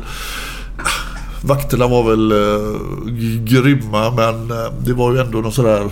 Det var knytnävar, det var Ja. inte något annat. Men det är lite mer ordning idag känns det som va? Ja, men alltså det, det, det går ju inte att utesluta att det snart kommer en, eh, tyvärr, eh, en sån här eh, incident med skjutningar. Det, det, det har blivit en del av vardagen. Tyvärr. Men du, en annan sak bara. Jag vet inte om vi ska gå in på andra saker och sånt. Men, men jag vill bara höra. Vi snackade om det. Du växte upp i Frölunda och detta. Men vad var det som gjorde exakt att du valde just höjdhopp? Var, var det någon speciell situation eller, var, eller var det så att nu jävlar, det här ska jag göra? Nej, det var ju egentligen ett, eh, ett tvång. Vi var några killar på skolan som eh, gjorde för mycket skit. Och då hade vi en eh, lärare, du kanske till och med, han blev ju domare sen, Henkelman. Har du haft han som domare? Henkelman? Ja. Inte till, jag vet inte till namnet. han, gång. han dömde, ja, du kanske var proffs redan då. Vad heter han i förnamn? Uh, Nej, jag vet inte. Ingen aning. Lars Henkelman, nej. Jag vet fan vad han. Men han, i vart fall, han, han var den enda magistern på vår skola. Så att han eh, tvingade oss, eh, vi var för bråkiga, så att han ville sätta oss i, eh, i träning. Och fan, vi höll ju på med idrott hela tiden ändå. Vi, då fanns ju spontanidrott, det finns ju inte idag. Så att eh, han skickade ner oss till friidrottsträning och det blev plötsligt, eh, det var roligt och eh, sen vann jag min första tävling. Och eh, det bara fortsatte. Var, jag visste inte ens vad höjdhopp var innan. Jag visste inte ens vad friidrott var. Men det, det blev bara så då. Det var inte så att du tvekade att du kanske hade någon annan sport där samtidigt och som nej, ska jag verkligen göra det här? Eller, när du gjorde detta så blev det höjdhopp alltså? Ja, alltså 100%. jag, jag, jag spelade ju fotboll då. Men jag hade ju ingen... Alltså det fanns inte att man skulle bli proffs. Jag kommer ihåg VM gick ju då i fotboll 70... Vad fan, 74 var det? Nej, var det? Tyskland 74. Ja, ja. Då spelade alla fotboll och då fick jag mina första eh, Orva special Adidas. De svarta med orangea eh, eh, stripes på. Med skruvdobbar. Och då var man ju så dum. Man trodde liksom skruvdobbar, då kan jag fan skruva bollen ordentligt. Alltså, så det var på den nivån. Va? Ja, det, inte fan skruvar jag bollen bättre. Men eh, nej. Man Den varianten har jag aldrig hört. Ja, den var grym. Ja, ja, ja, fan inte. Det, det, det var bara tåfisar hela tiden ändå. Men, men du gillar ju inte det där lag just att en, en vuxen förklarar för dig att man skulle göra så här lite grann. Eller det där gruppdynamiken eller var det... Eller har jag Eh, missuppfattat? grejen var väl att jag tyckte jag var bra, alltså bra i fotboll. Fan, vi spelade ju fotboll hela tiden i skolan. Och sen var jag med i... Eh, jag spelade i skogen. Alltså klubben Skogen. Ja, jag var också Ja, ja. Och då helt plötsligt, då fick jag inte, då, då, då delade de upp då redan när vi var 8-9 år. Då var det liksom A-truppen. Vi tränade på samma ställe och samma tid. A-truppen och B-truppen. Och så skulle de avsluta med A mot B och spela lite internt. Och jag fick träna med den här gruppen med eh, ja, enbenta och det var en tjej med kommer jag ihåg och då, det var så inga tjejer som spelade fotboll på den tiden. Och då var det killar i min klass som spelade både i A-truppen och i B-truppen. Så jag var mycket bättre. Så jag, jag fattade liksom aldrig vad var det inte han såg tränaren. Och eh, det där var ju skittråkigt. Spela liksom eh, med sex andra på en liten plan och eh, liksom jag gjorde 20 mål och det var ingen tränare där ens. Så när vi började med friidrott då, liksom, då var ju Viljo där och han, liksom, han var ju aktiv och... Han såg där. Ja, ja, direkt ja. liksom och berömde och så. Och det, så det var ju ett enkelt val att fan... Och detta är på Slottsskogsvallen då eller? Ja. Och det, det, liksom, det blir klart att fan ska jag hålla på med friidrott eller fotboll eller handboll. Handboll, det var likadant. Fan, bara jävla träningen var ju så tråkig. Och så avslutar vi med idioten. Ja. Liksom, vad fan, varenda jävla gång. Varför? Totalt meningslöst. Liksom. Men, men det du säger Patrik, det är så intressant just det där med att känna sig sedd. Ja. För jag har hört någon sån här rapport om det att eh, om du är en pojke eller flicka som går till din idrott, vad det än nu må vara. Så ska du helst få känna dig sedd på den träningen, höra ditt namn i Ja. positiv bemärkelse minst tre gånger. Ja.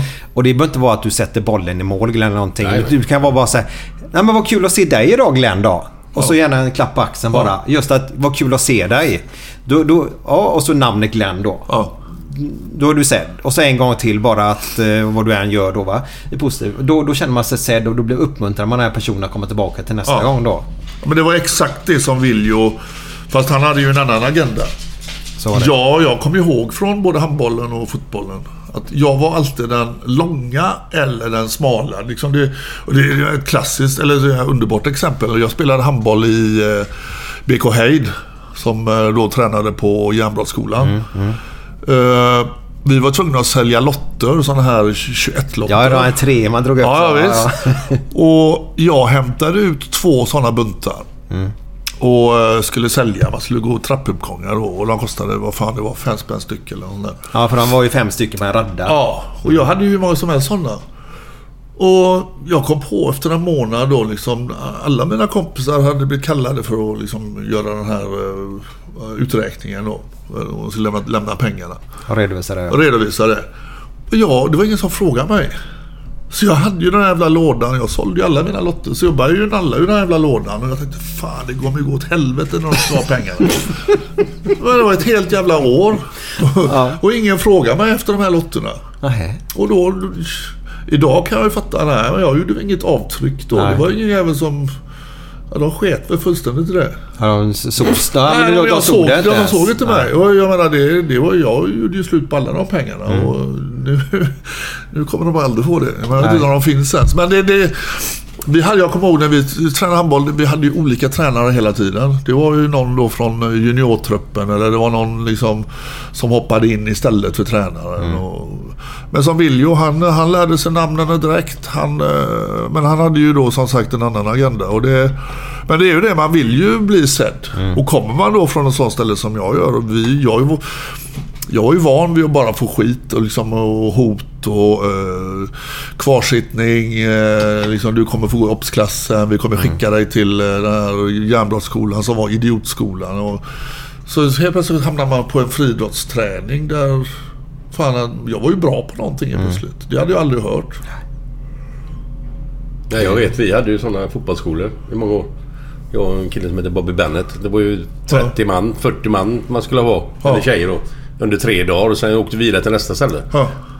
För mig var det liksom A och O att lära sig namnet på samtliga så fort som fan alltså. Så man inte säger du dö, kom hit, dö, Ja, kom hit. ja. Utan Hej Emil, kom nu här eller Ida eller vad fan det nu är för någonting. Så det gjorde vi på en dag lärde vi oss om namnen bara för respekt till ungarna. Alltså. Ja. Så att det är ja, jag, kommer, jag, jag spelade en match på... eh, med... med uh, vet du om skogen då, ute på uh, vid Sisjön där på någon jävla fotbolls... Och då stod tränaren, jag fick hoppa in i andra halvlek. Och han kunde inte mitt namn och flera andra. Så han stod exakt som sa "Dö, Fan, spring framåt istället! Och jag sprang åt andra hållet. Jag fick världens utskällning för att det var tydligen mig han menade då. Och jag... Jag bara liksom, fan... Hur ska jag veta det? Ö eller du? Liksom. Det blir, det, blir ett jävla utanförskap. Ja, det är det. det- jag, jag hatar det. Ja, det gör jag med. Har du varit i den situationen och känt den känslan då, då tänker man sig för hur man behandlar andra senare. Ja, och, men det, det, det är kanske det som tilltalade mig med friidrotten då. Att där, det hängde ju väldigt mycket på mig själv. Och det, mitt liv har varit så att jag hela tiden hängt på mig själv. Så att det, det var väl en eh, naturlig utveckling. Eh. Men när kände du i höjdhoppandet där att jävlar, det kommer att bli bra alltså? N- När du kände, fick du den här boosten liksom i någon speciell tillfälle liksom när du var ung? Att, Alltså jag, blir bra som fan. Jag, jag var ju bäst i min ålderskategori, eller i vart fall bland de tre bästa liksom, i hela min uppväxt. Så eh, det hade ju säkert varit annorlunda om jag hade ja, helt plötsligt varit eh, långt ifrån toppen. Då hade det inte varit lika roligt. Jag hade ju hela tiden ett, ett klart mål framför mig. Det var ju liksom att vara bäst i Sverige. Och när jag blev 16-17 då insåg jag att vad fan nu, då hade jag ju börjat träna med tyskarna och då hade jag ju sett vad som krävdes och jag har ju sett vad, hur långt det var mellan mig och dem. Men det där kom jag ju ikapp eh, bara på två år så var jag ju i samma klass som tyskarna eller västtyskarna som de hette på den tiden. Men beror det på, bara på talang eller var det någon speciell träning du gjorde då? Eller Så bara, klart att jag hade, du så jag, jävla bra då? Nej, men jag hade, självklart hade jag en talang för det. Och, eh, sen så är det ju, det är ju en skröna att jag aldrig tränade, jag inte gillade att träna. Jag har nog tränat mest utav alla. Och även då tränat smartare än eh, de flesta. Vi fick ju väldigt mycket gratis genom att vi, eh, vi tränade på samma ställen som tyskarna. Tyskarna hade en, en helt annan nivå på sin träning och ett helt annat tänk. Viljo snodde ju, han kopierade ju allt han såg. Och, och det finns ju sådana som tycker att vi ska premiera Viljo för det han gjorde för idrotten. Det är, liksom, det är fruktansvärt att tänka så. Det Viljo gjorde mot så många killar, det, det är oförlåtligt. Men att han då kopierade eh, det han såg när vi var ute på träningsläger. Det, eh, jag tränade som tyskarna ganska snabbt. Och eh, det som då... Då var ju 2.30 en magisk gräns. Den diskussionen har jag ju haft då med, med Holm. Och, alltså det var ju naturligt för mig när jag var eh, 17 och hoppade 2.20... Vad fan det var nu? 26 eller 27. Liksom, då var ju 2.30 i närheten. Som 18-åring hoppade jag 2.33. Då var världsrekordet 2.36. Alltså det var... Då var ju 2.30 en, en, en jävligt bra höjd och sen så var ju världsrekordet i liksom... Det var greppbart. Alltså idag när du hoppar 2.30 och världsrekordet är 2.45, det är 15 centimeter. Liksom, det kan ju aldrig bli lika inspirerande för en kille. Alltså när jag hoppade 2.30 då helt plötsligt insåg jag, jag hoppade ju 2.33 i den samma tävling, då insåg jag att fan, jag är ju i världstoppen. Jag satt ju på Bislett, alltså precis när jag eh, hoppat 2.30 och de höjde till 2.33. Jag tänker, fan, om jag gör detta nu, det finns inte mer än, då kanske det fanns max 10 som hade hoppat 2.33 i världen någonsin. Alltså den känslan, den känslan har ju Holm aldrig haft. För att han har aldrig hoppat på de höjderna där det har varit nära världsrekordet. Och det är klart att då, då säger man väl att ja, men det är inte höjden som räknas utan det är medaljer i mästerskap som är viktigast. Liksom. Nej, inte om du spelar, om du hoppar höjdhopp. Liksom, du, du har hoppat över en ribba hela ditt liv. Då är det liksom varenda millimeter du hoppar högre, varenda centimeter du hoppar högre. Det är ju det som driver den. Och då är det ju självklart att ligger du nära ett världsrekord då, då alltså det, den känslan, det är ganska få som eh, får vara med om den. Ligger, ligger de inte väldigt långt från världsrekordet idag? Nej, alltså nu är Eller de var, ju... var, ja, men om vi tar för 7-8 år sedan så var det väl jävligt kast va? Eller? Ja, det var ju en...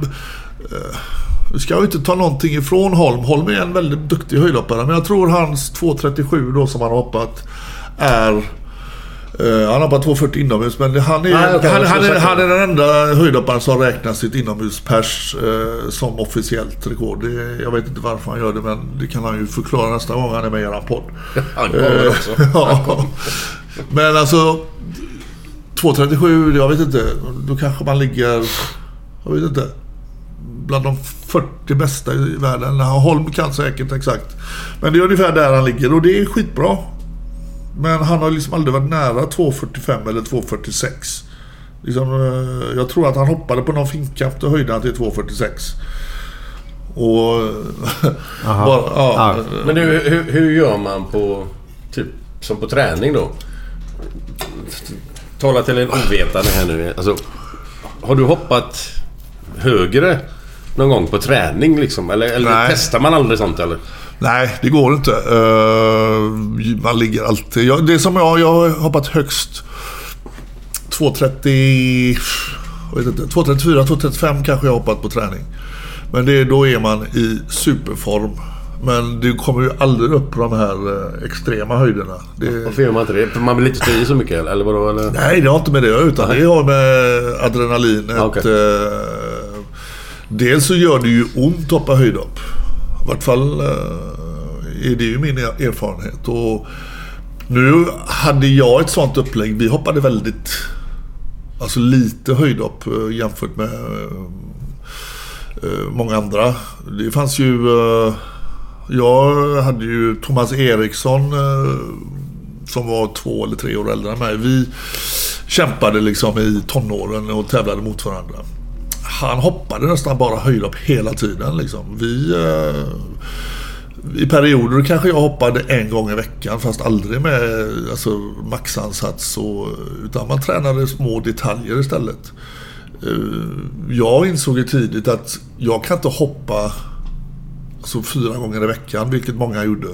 Det går inte, för då pajar jag hälsenor och fötter, vilket jag gjorde och ändå. Så att det var ju mycket andra eh, träningar som man, fick, eh, som man la in då för att stärka kroppen, stärka eh, de här utsatta delarna. Men var det du själv som, som, som gjorde det eller fick du råd av Viljo då? Eller, eller, eller hur? Ja, det var han som la upp träningen. Men jag, ju äldre jag blev, jag skalade ju bort mycket av träningen som Viljo då skulle tycka att vi skulle genomföra. Många saker var väldigt ogenomtänkta som Viljo gjorde.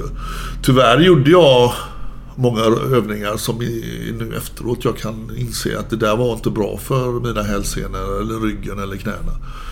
Vi körde ju extrema vikter i styrketräningar. Vi, vi hoppade med skivstänger, vi hoppade med viktvästar och viktmanschetter, häckhopp, nerhopp, alltså massa skit som är, Ja, man kan ju, jag kan ju idag börja eh, ifrågasätta om det verkligen hade någon effekt.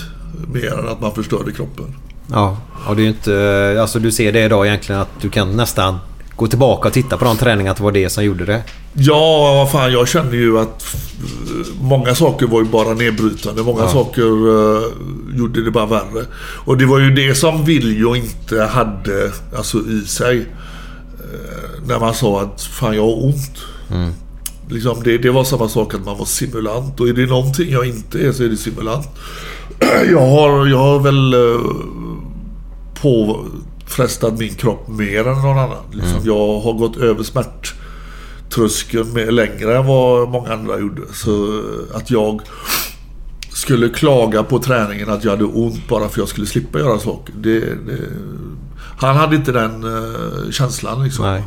Inte den empatin riktigt. Nej, men det beror väl, berodde väl på att när vi skrev boken 2011 då kollade vi ju upp Viljos historia. Vad, vad som stämde med det som han hade sagt. Till exempel så sa han ju då att han hade en väldigt gedigen utbildning. Han hade gått eh, GH i, eh, motsvarande GH då i, i Finland. Och han var utbildad undersköterska så han kunde då anatomi och hur alla belastningar det visar sig att han har ju inte gått ur grundskolan ens. Han har liksom aldrig varit inskriven i någon, eh, något universitet. Var han mytoman? Ja, han var verkligen mytoman. Ja. Och därför så kunde han ju inte heller sätta sig in i när, när någon hade ont. Nej. Liksom det, det, det var... Vadå? Du ska göra detta idag. Ja. Och de har försökt förklara att men om jag gör detta idag så kommer jag inte kunna göra någonting imorgon. Och, där, och det, det, det har ju också att göra med att han, han hade ju ljugit om att han hade varit nästan landslagsman i friidrott. Att han hade varit landslagsman i basket. Han hade varit eh, väldigt duktig skidåkare, då, längdskidåkare. Mm. Vi kollade upp, han hade inte funnit, han hade hållit på med friidrott men han hade gjort då runt sju meter i längdhopp. Han hade gjort någon tiokamp fast alltså värdelöst. Mm. Han sa att han hade hoppat 2.16 i höjdhopp. Eh, Han har en registrerad tävling på 2.06 tror jag. där. Men blir det så med Mytomon? Kan de inställa sig så till slut så blir det sanning för honom? Jag brukar säga så här när jag föreläste så just då att Viljo hade ju han höll på med idrott för att han ville träffa småpojkar. Han hade lätt kunnat bli scoutledare eller körledare eller där barn fanns. Det var ju därför han sökte sig till, eh, till idrotten. Och eh, där lyckades ju William manipulera alla och tro att han faktiskt var bättre än han var och, och att han hade den här utbildningen. Det var ingen som kontrollerade ifall det faktiskt stämde. Och eh, det är ju likadant med Alltså det finns ju piloter som flyger kommersiella flighter över Atlanten.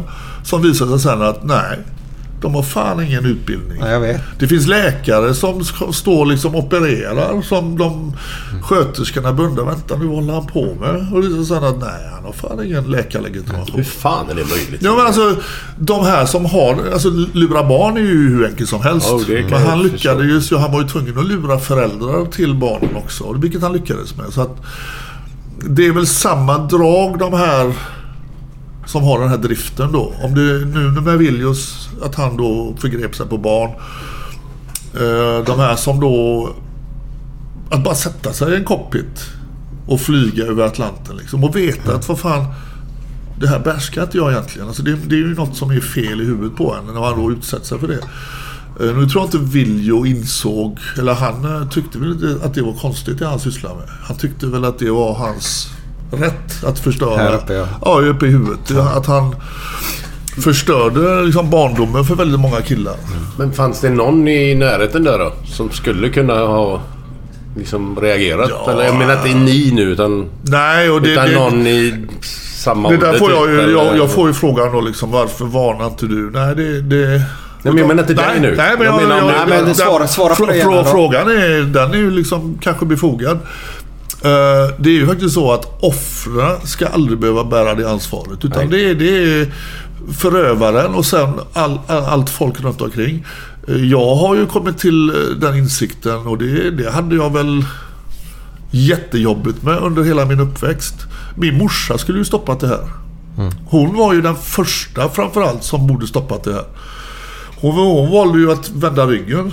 Jag, fick, jag flyttade ju med Viljo när de eh, separerade. Liksom, det, det, det är ju inte ens lagligt. Fan, jag var... Jag var 14 år tror jag. 14 eller ja, 15 år. 14 eller 15 när, de separerade och jag flyttade med Viljo. Det var ju ingen på skolan som visste att jag bodde med Viljo. Liksom, hon hade inte ändrat eh, adress för mig. Eller liksom, myndigheter. Jag menar hon fick ju barnbidraget varje månad och liksom, hon sket ju fullständigt i det. Sen så eh, skolan. Och fan jag gick ju till skolan för att inte träffa på Viljo liksom på, på dagarna. Jag visste att på skolan kan han ju inte komma liksom. Och, och, men jag var ju på skolan och bara ställde till ett helvete. Varför var det ingen på skolan som frågade mig? Var, var, Varför håller du på så här? Varför kommer du klockan åtta på morgonen och bara ställer till ett helvete? Jag hade ju kompisar som började skolka som aldrig dök upp i skolan. Det, det var ju inte naturligt att man kom till skolan bara för att jävlas. Ja, oftast det du berättar här nu Patrik, är ju- du, du är så sant så... Eh, eh, för bete sig ett barn väldigt annorlunda Ja. oftast och agerar utåt. Så det, ligger, alltså, det gör man ju inte bara för att man vill utan det ligger ju oftast någon kärna där Ja, precis. Och jag jobbade med BRIS ett tag eh, och där var ju oftast, då berättar de när de har då kommunikation med barn som har varit utsatta. Ifall det är via telefon eller via internet på chattar och så. Då är ju oftast, eller då har de ju med i sitt frågebatteri Och det brukar ju komma då efter kanske 20 kontakter. Eh, varför har du inte berättat detta innan? Nej, det är ingen som har frågat. Det är ingen som har frågat hur jag mår. Och det kan jag ju tänka efter nu. Det var ingen som frågade mig hur jag mådde. Varken på skolan, min morsa frågade absolut inte. Jag var ju bara jobbig. Jag var ju bara bortskämd skitunge. Idrotten, alltså jag... Jag var ju, alltså verbalt, alltså jag, jag, jag skrek ju saker. Jag vet ju på tävlingar. Min mamma skämdes över mig sa hon. Liksom, det var fruktansvärt hur jag kunde gapa och alltså, svära och hålla på. Ja, men vad fan. Kanske någon borde frågat. Liksom, var, var, var, varför gör du så här? Varför håller du på så här? Nu vet inte jag om jag hade berättat redan då, men man kanske hade eh, logiskt sett mått bättre om man ja, inte blev bara kallad jobbig, divig, eh, vem fan tror du att du är? Och det gör de flesta vuxna mot Ja. sådana barn. Ja. Du Man får- pratar aldrig med din morsa om detta eller? Nej, jag pratar inte med henne längre. Det Nej men jag menar... Nej, nej, då. nej, nej, nej, nej. Och hon har inte frågat mig. Det, det nej, har jag nej, inte tänkt nej. komma till. Hon har inte ens idag frågat hur var det verkligen? Alltså jag, jag ber om ursäkt att jag... Hon kunde förklarat sig varför hon Mm. bara valde att blunda. För att hon visste om det, det är självklart. Hon hävdar ju nu att hon aldrig hade en aning om det här. Men vem fan låter sin son flytta med en person som hon har varit tillsammans med i tre och ett halvt år. De låg aldrig med varandra. Hon trodde att han var homosexuell, säger hon då till, till någon som Varför- ursäkt. varför är hon liksom, med honom Ja, men varför, varför var du förlovad med människan i tre år? Varför lät du din yngsta son flytta med honom? Varför hade ni ingen kontakt under de åren liksom? Det, det är så många frågor där som man undrar. eh, Alltså vissa kanske inte ska ha barn. Nej. Det, det är väldigt enkelt och jag hade definitivt inte haft alla mina problem. Eh, Hon, hon har ju på, på, på flera olika eh, ställen för sagt att ja men Patrik fick ju ett bra liv ändå. Liksom vem fan är hon att säga att jag fick ett bra liv? Och om jag nu har fått ett bra liv så är det ju bara jag som har sett till att få ett bra liv. Hon har inte hjälpt mig med någonting. Och eh, fan man ska skämmas när man säger en sån grej. Det, det, eller hon har inte vett att skämmas ens. Så att, eh, Du tror hon mår dåligt på något sätt? nej, tror jag inte.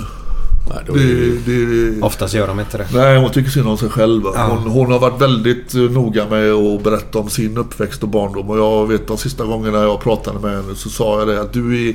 Jag har fått höra i hela mitt liv hur jävla jobbigt du hade när du växte upp. Och jag har fått höra hur jävla eh, alltså, bortskämd och förjävlig jag har varit. Nu är det bara så att jag fanns inte när du växte upp. Så jag kan inte avgöra, jag kan inte hjälpa dig. Jag hade ingen möjlighet att hjälpa dig. Men du fanns ju för fan när jag växte upp. Och vad gjorde du? Det, alltså mina problem började ju långt innan Vilju kom in i bilden. Liksom, vad fan, hon har ju eh, väldigt mycket på sitt samvete som hon borde kanske då eh, ja, liksom ta eh, en funderare över innan hon lämnar in. Liksom. För det, det, det är liksom... Barn ska inte behöva växa upp i en sån miljö. När barn ska, det enda de ska det är trygghet och Ja, kärlek. och, eh, precis. Och det, vi hade frihet under ansvar, hävdar hon då. Och det, det är ju en omskrivning av att jag skiter fullständigt. Barn, den kunskapen jag har är att barn mår som bäst ju fyrkantigare det är. Alltså med att du har förhållningssätt och du har tydliga gränssättningar då. Ja. Då mår ett barn bra. När det Ja. blir frihet, barn kan aldrig ta ansvar under frihet. Nej, jag, det har jag ju fått betala dyrt för i mitt vuxna liv. Jag har ju haft väldigt svårt för... Jag menar, i vissa lägen har jag ju eh, för egen vinning eh, liksom klarat mig då. Men eh, det är ju inte... Alltså det, är det här sociala och, och relationer framför allt. Jag menar, jag har, det finns ju liksom, jag har ju inte det i mig. Jag har aldrig fått lära mig. Jag har ju sett hur ett förhållande ska vara från jag var i 4-5-årsåldern. Det har bara varit skrik, bråk, fylla, eh, liksom, eh, droger. Liksom det bara, jag, har inte, jag har inte sett något annat. Jag ser vad Men så mycket- du har taggarna utåt? Och sen, så, Eller- eller- alltså, sen lämnade hon över mig till Viljo liksom, och så där helt plötsligt får jag bekräftelse, beröm och jag menar han var helt plötsligt vad jag trodde var normalt. Eh, Min, e- men min farsa, biologiska farsa bara försvann liksom. Han kan man ju också undra vad, vad, vad, vad, är, för, vad är det för fel? Jag menar, han vet inte, eller han har inte ens, han har en, en, eh, ett barnbarn, min dotter, som han eh, enligt min brorsa då aldrig har nämnt, aldrig frågat. Jag menar, det är ändå hans eh, gener. Liksom. Han, så att, eh, och han bor i Göteborg och han jobbade tre minuter från eh, Kaveröskolan där jag gick mina första sex år. Han, han var inte på första dagen i skolan. Han var aldrig på en skolavslutning. Han var aldrig på ett föräldramöte. Man bara undrar liksom, vad fan. Men hur skulle du reagera idag om han skulle kontakta dig? Jag skulle inte känna igen honom. Nej, men jag menar, man ringer och säger du är din farsa. Bla, bla, bla. Skulle jag bara Skulle dra, dra åt helvete. Ja, du Det, skulle aldrig kunna... det, det, vet, det vet han ju om, men jag tror inte han bryr sig heller. För jag sa ju det när jag var 10-11 när jag, han skulle komma och hämta mig och min brorsa. Då sa jag att jag, jag vill inte följa med. Jag tycker inte detta är roligt. Och han försökte väl två eller tre gånger sen och jag bara sa nej. Jag fan ska åka och sätta mig i en lägenhet i Kortedala lördag till eh, söndag eller fredag till söndag. Liksom, inga kompisar, vi hade inget rum, vi hade ingenting där. Vad fan, vad ska jag? Varför ska jag sitta där? Det var helt meningslöst. Det fanns ingen fantasi, fanns inget liksom... Eh, ni mina söner. Det, det, det var... Vad fan... Och... Eh, att inte kämpa, att inte visa att fan, jag är eran pappa. Jag skulle inte känna igen honom om jag gick förbi honom på stan här. Det, Man fattar inte hur man kan Nej, vara på det alltså, sättet. och jag förstår ju Isabelle, min dotter, hon det var ju jättesådär i början. Hon, hon vill ju ha liksom farfar och det här. Och jag förklarade, men alltså Isabelle, jag förstår dig. Du kan ju åka med min brorsa, för han har ju kontakt med honom. Men alltså du kan ju inte förvänta dig att han bryr sig om dig. För han bryr, bryr sig inte om mig. Och, alltså, så att du, du kommer ju bara bli besviken. Men visst, om du nu är... Jag har ju inga problem med det här. Jag har ju aldrig träffat min mormor för min morsa bröt med sin mamma. Så att jag gjorde det här jävla DNA-testet nu som de gör reklam på TV. Ja, det. Ja. För jag tyckte det skulle vara lite roligt in, inför valet när de har sagt att alla som då inte är svenskar ska vi skicka hem. Aha. Jag har en polare som eh, alltid sagt att han är viking och så är plötsligt så så hade han, eh, jag kommer inte ihåg hur många procent, men han var grek också. Så att från att ha varit viking så... Men han försökte rädda hela situationen så här, ja men du vet Platon Archimedes, alla de här. Ja, ursäktligt sa- allt. Ja, jag sa nej men du är ju han Nikodemus som hyr ut solstolar på Rhodos. Ja. Men jag gjorde ju det för jag tänkte att fan vad bra, då kan man ju lägga ut det då precis innan valet. Att jag har eh, x antal procent eh, från bla bla bla. Så att, ska jag också bli hemskickad? Ja. Men det visade sig att skittråkigt va. Jag har ju 99,2 skandinav och resten nordeuropé. Så liksom... Aha, okej. Så det gick ju inte att använda va. Men där, där fick jag ju eh, eh, helt plötsligt klart för mig hur min släkt ser ut. Ja. Min morsa hade ju bara glömt den lilla detaljen att hennes pappa, som jag inte heller har träffat, som stack då när hon var liten. Han var född i USA, så han hade ju dubbelt medborgarskap. Hade jag då någon gång under min karriär tyckt att fan det hade varit schysst kanske att bosätta mig i USA. Det hade ju varit väldigt mycket enklare om jag visste om att hennes pappa då hade amerikanskt pass. Ja. Och dessutom har jag jättemycket släkt. Det har vi ju alla eh, svenskar i och för sig. Det var väl nästan två miljoner som utvandrade till eh, USA. ja, det var väldigt många. Ja. Men jag har ju väldigt mycket släkt i USA. Och så visade det sig att hennes mamma då som inte hon hade kontakt med. Jag hade bara en uppfattning om att det fanns en moster. Men det finns ju för fan... Hennes mamma hade sju syskon tror jag. Har jag aldrig fått höra. Nej. Och jag har ju fått sådana via Facebook eller sådär att vi är släkt och jag, jag bara nej, det stämmer inte. Jag var till och med otrevlig mot folk som jo men vi är släkt och bla bla bla. Nej det är vi inte. Nu förstår jag ju det. Du har en jättestor släkt. Ja, jättestor släkt. Ja. Och liksom det... Ja, det var inte viktigt att berätta tydligen. Men vad, vad jag tänkte på det, din mamma. Jag menar, var, var, det, var det missbruk som låg bakom eller var det bara att hon var dum i huvudet? Eh, nej, hon hade inga missbruksproblem. Eh, det var bara det att hon... Eh, hon tog på sig det här att hon skulle reparera alla de här, de här männen som hon träffade. Det var Ah. ju eh, kock, det var en kockfarare som fanns i vårt liv under några år som hon la ner all sin energi på. Och det var ju alltså de här, hans kompisar. Det var ju skitroligt. Jag menar det... det Alltså det, vi, vi fick ju pengar utav, eh, jag kommer ihåg jag fick en hundralapp en gång och går ner och köper lite fredagsgodis. Ja, men hur mycket ska jag... Ta hela hundralappen. Alltså jag var fem år kanske. Då Oj, frågade jag som affären, var har du fått ju." den ifrån? Ja. Ja, herregud. Det var ju som 10 000 idag Ja. liksom. Nej men det var liksom kassaskåpssprängare och bankrånare och det var liksom... Tyckte min morsa men jätteroligt att eh, han passade er när vi var ute och dansade. Mm. Så, ja, jag vet inte. Nu ska inte jag vara den som ska ha eh, moraliska synpunkter på. Det kan vara jätteschyssta människor som är bankrånare men man kanske inte ska låta sina barn eh, sitta med dem. Det, Nej. Lå- Låter lite... ja, det... Det hade gett mig ångest Glenn. Ja, absolut.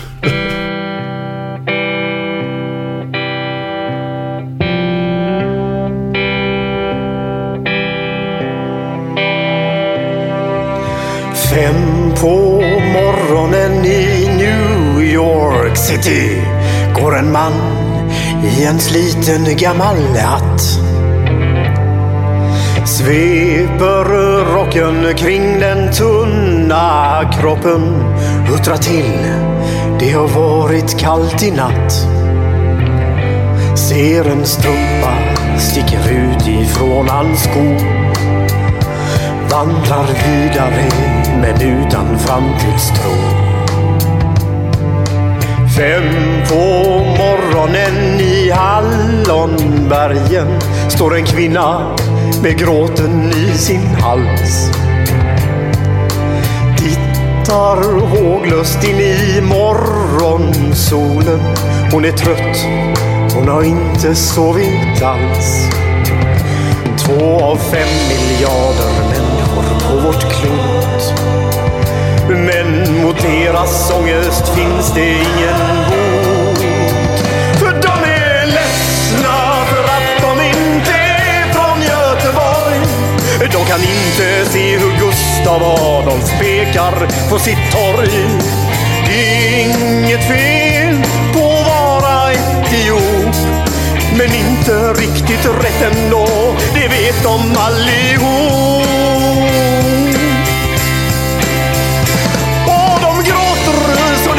Det när de får en inre syn av hur vi som är från Götet tar en öl på Avenyn.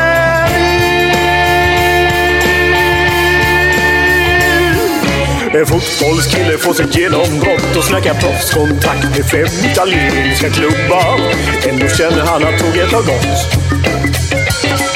En annan gubbe med en ollontusing och en latextjuva skriker ta mig ur röven gubbar. Men det ger honom inte nåt. Samma tomma blick och tårar salta smak. Om man frågar säger båda samma sak. De är ledsna för att de inte är från Göteborg. De kan inte se polisen dunka buss på torg. Det är inget fel på att vara från Mölndalsbro. Men 14 stopp med fyran svider mer än man kan tro. Och de gråter och slår det krampar när de får en inre syn av hur vi som är från Götet av hur vi som är från Götet Ja, det var ju jävlar anamma med De är ledsna. En kanonlåt, som vanligt. Vad fan är det för musik ni Ja, spelar? men det är ju fantastiska låtar. Lägg dig i det. Och vet du vet vad vi ska avsluta med för musik då? Patrik. Knöda in och? Nej, den började vi med. Faktiskt våra första program hade vi den första tio tror jag. Hade vi som introlåt, Knöda in. Är det någon annan utanför typ Lerum som lyssnar på det här? Eller? Ja, det finns en i Frillesås som det det? Men han äh, läskar lite mycket. Okej, okej. Du, jag skulle bara gärna vilja veta en sak här nu. Kan inte du ta oss fram till världsrekordet, den tävlingen du körde där, när du satte världsrekord? Kan du bara ta oss fram snabbt? Det behöver inte ta en halvtimme men... Nej, Men jag, hur gick det till från början? jag har väldigt luddiga minnen från hela tävlingen. Jag var... Jag hoppade eh, svensk rekord i Göteborg tre dagar innan tror jag det var, i Europacupen. Nu pratar vi 1987 då. Ja, 87. Vi hade Europacupen här i Göteborg. Vi hoppade 2.39. Men jag hade jävligt ont i eh, ena hälsenan. Så jag var osäker om jag kunde hoppa i Stockholm på DN-galan. Åkte upp dit. Ösregnade hela dagen. Iskallt. Och jag bara tänkte det, det är det värsta för det vet du ju själv. Får man ont någonstans. Är det kallt och jävligt och ja, då reagerar kroppen annorlunda. Men eh, det sprack upp på eftermiddagen och blev en sån här otrolig sommarkväll. Och från uppvärmningen där jag hade ont i hälsenan så helt plötsligt kände jag ingenting. Och eh, gjorde en sån här magisk tävling. Jag tror jag gick in på 2.24. Eh, det var ganska bra hoppare med men eh, jag var redan... Jag tror jag vann på två hopp eller där. Tre hopp. Och eh, jag vet vad du vill komma till. Du vill att jag gick ut och tog en korv eh, innan världsrekordet. Det- Glenn tycker det här är görkul. Alltså, Ja, men det- Han sitter som ett barn. Ja. Det är inte så jävla konstigt. Alltså när man tävlar så är man ju uppe i varv alltså hela dagen. Alltså man, man lever ju med de här idrotts... Alltså man gick ju runt där med Boka, Carl Lewis och det var ju, jag menar, det var ju väldigt mycket media runt omkring och så ska du in och tävla i en fullsatt arena. Så man är ju väldigt uppe i varv. Och jag hade skitsvårt att äta på tävlingsdagar. Alltså det är knappt jag fick i mig en frukost. Och det går ju på adrenalin ett tag men när du helt plötsligt är helt tom då måste du fylla på med något. Och det där hände väldigt ofta under tävlingar. Och det var ju konstigt. Eh, jag tog det som gick att äta. Jag menar ibland var det en chokladbit, ibland var det bananer. Och i Stockholm så var det jävligt bra för man kunde gå ut genom den här maratonporten. Precis på utsidan där så låg det ett fik. Och där, där satt vi alla höjdhoppare emellan hoppen och rökte eller tog en kaffe. Och nu gick jag ut och tog två korv med bröd, en kopp kaffe och en dricka och så en cigg. Och det där har ju alla typ, åh fan han käkar korv när han satt. Ja, är man hungrig och har alltså, lågt blodsocker då trycker man i sig vad som helst. Vilket jag gjorde. Och det, ja, det låter ju konstigare än vad det egentligen är. Men, men mellan vilka hopp var detta? Eller innan? Eller i vilket... Ja, det, var ju, det, var, det? var ju innan världsrekordet 2.42 då. Jag, Jo, men vilket... Var det mitt under tävlingen? Eller var Ja, ja. Det var ju alltså mellan Sen skulle du in och hoppa igen? Ja, ja. Jag gick ut och eh, när de andra hoppade ut sig, då var jag där ute och... Eh, men när man var i bra form, då, då, då gjorde man ju... Eh, jag menar, då- visste jag jag var. Visste att jag var på väg att sätta ett världsrekord. Och jag bara kände mig hungrig och då gick jag ut och tog en korv. Det var ju värre på mästerskapen. eh, eh, I och med att alla höjdhoppare rökte. Eh, det, var ju, det går ju skrönor om att vi satt och rökte inne på eh, arenan, på inneplan. Det gjorde jag aldrig. Jag har sett några ryssar göra det faktiskt. Men, eh, men på mästerskapen så...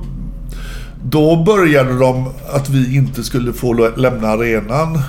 Men de var ju tvungna att släppa ut oss för att vi skulle gå på toaletten. Och då visade det att då fick vi gå ut med en funktionär på mästerskapen. Och det slutade med att det kunde ju stå tio höjdhoppare inne på toaletten med varsin funktionär och alla stod och rökte. Så att eh, de försökte på olika sätt få oss och, och att de skulle bestämma. Men vi, vi bestämde ju våra regler själva. Men när, när, man, när du tar det världsrekordet där då? Ja. Du, alltså, vad, vad, tänker man, vad tänker man just i det läget? Ingenting? Eller, eller vad, vad fan är det bara eufori? Bara, Ja, alltså jag kommer ju inte ihåg. eh, jag vet ju att jag gjorde... Det första hoppet var skitbra. Fast jag rev alltså hårfint. Då kände jag att det är... Alltså klarar jag inte det idag, va? jag kan aldrig visa mig här i Stockholm igen. Och andra hoppet var ungefär likadant. Och inför det sista då... Då sitter, sitter ju kungafamiljen på den här kungaläktaren eh, mitt på upploppet på Stockholms stadion. Och de hade ju alltid med sig en massa Säpovakter. Och så precis när jag började med ordning. Folk hade ju börjat att gå. För jag, det var ju höjdhopp. Det var ju bara enda som var kvar. Och eh, folk började ju komma tillbaka. För de hade ju hört liksom det här jublet. Och, eller att eh, folk liksom var, att det var spännande. Men då ser jag hela kungafamiljen resa sig upp och gå inför tredje hoppet. Nej. Och jag bara tänkte, vad fan, alltså är det inte intressantare än så här? Och, Och jag tänkte, fan det är inget bra, eh, liksom, det är ingen bra omen att de reser sig och går. Men eh, jag har ju hört folk som, eh, som gick och när de kom ner typ till eh, Stureplan så hörde de liksom det här vrålet. Jag har ju ingen minne av... Eh, alltså jag, när jag skrev boken, eh, vi var ju tvungna att kolla upp för jag, jag har ju ingen minne av presskonferens som var obligatorisk. Alltså jag har ingen minne av att jag har suttit på någon presskonferens. Dopingprov som också är obligatoriskt. Jag vet ju vad dopingtesterna gjordes. Men jag har ju ingen minne av att... Jag menar, det borde jag komma ihåg. Det är ju en ganska stor grej. Nu har jag sett två världsrekord inomhus också. Eh, men det är ju en ganska stor grej. Man borde komma ihåg då hur dopingtestet och var det var någonstans. Och till och med kanske vem som gjorde det. Men eh, Arne Ljungqvist som var chef för, han är väl fortfarande jobbar med, med antidopingen. Eh, han berättade det att han började bli rädd för att det är ju, när du sätter världsrekord så måste du lämna ett dopingprov inom en timma. Och då stod jag fortfarande och skrev autografer borta i eh, höjdhoppskurvan och det var mycket journalister som höll på. Så att han hade varit tvungen att bryta sig in i den här klungan och hämta ut mig för att då gå och lämna ett dopingprov inom då en timme. Annars hade det inte varit giltigt. Nej, alltså det hade ju de kunnat då ha anmärkningar på. Och det där, när han berättade jag bara, ja, fan. Jag har ingen aning om det. Alltså jag kommer inte ihåg det. Men du, eh, alltså, du har ju säkert sett det här hoppet 83 000 gånger efteråt, eller? Antar jag. Ja, det dyker Men- upp titt som ett. Jo, men hur... eh, Alltså, var det, var det precis så här eller var det typ... Hade du kunnat ta alltså, tre centimeter till eller? Nej, jag har ju gjort mycket bättre hopp på, på andra höjder som, som har varit högre än 2,42. Nu tror jag till och med att ribban, när de kontrollmätte så låg den... eh, Det var någon som sa det som var funktionär bara för något år sedan. Att det, det var närmare 2,43. på- Så de hade ju liksom mätt fel. Och det, det hade ju inte varit så jävla roligt om man hade fått reda på det efteråt. Nej, att man river tre gånger och hade den legat på 2,42 så hade du klarat. Nu låg den på 2,43. Men eh, det är ju... Ja, det är ju bara en extra krydda. Men eh, det, det är samma... Jag kommer inte ihåg hur jag kom till hotellet. Nu bodde vi rätt så nära då på eh, Park där. Men jag kommer ju ihåg att jag var på en middag, en bankett och folk snackade om att ah, du stod väl på Stureplan och sprutade champagne till sju på morgonen. Nej, jag gick hem fan vid tolv. Sen låg jag, kunde inte somna på grund av att man drack ju kopiösa kaffe, mängder kaffe och eh, sen så var man ju uppe i varv fortfarande. Jag kommer ihåg, jag låg där i sängen och bara tänkte, fan blir det inte roligare så här?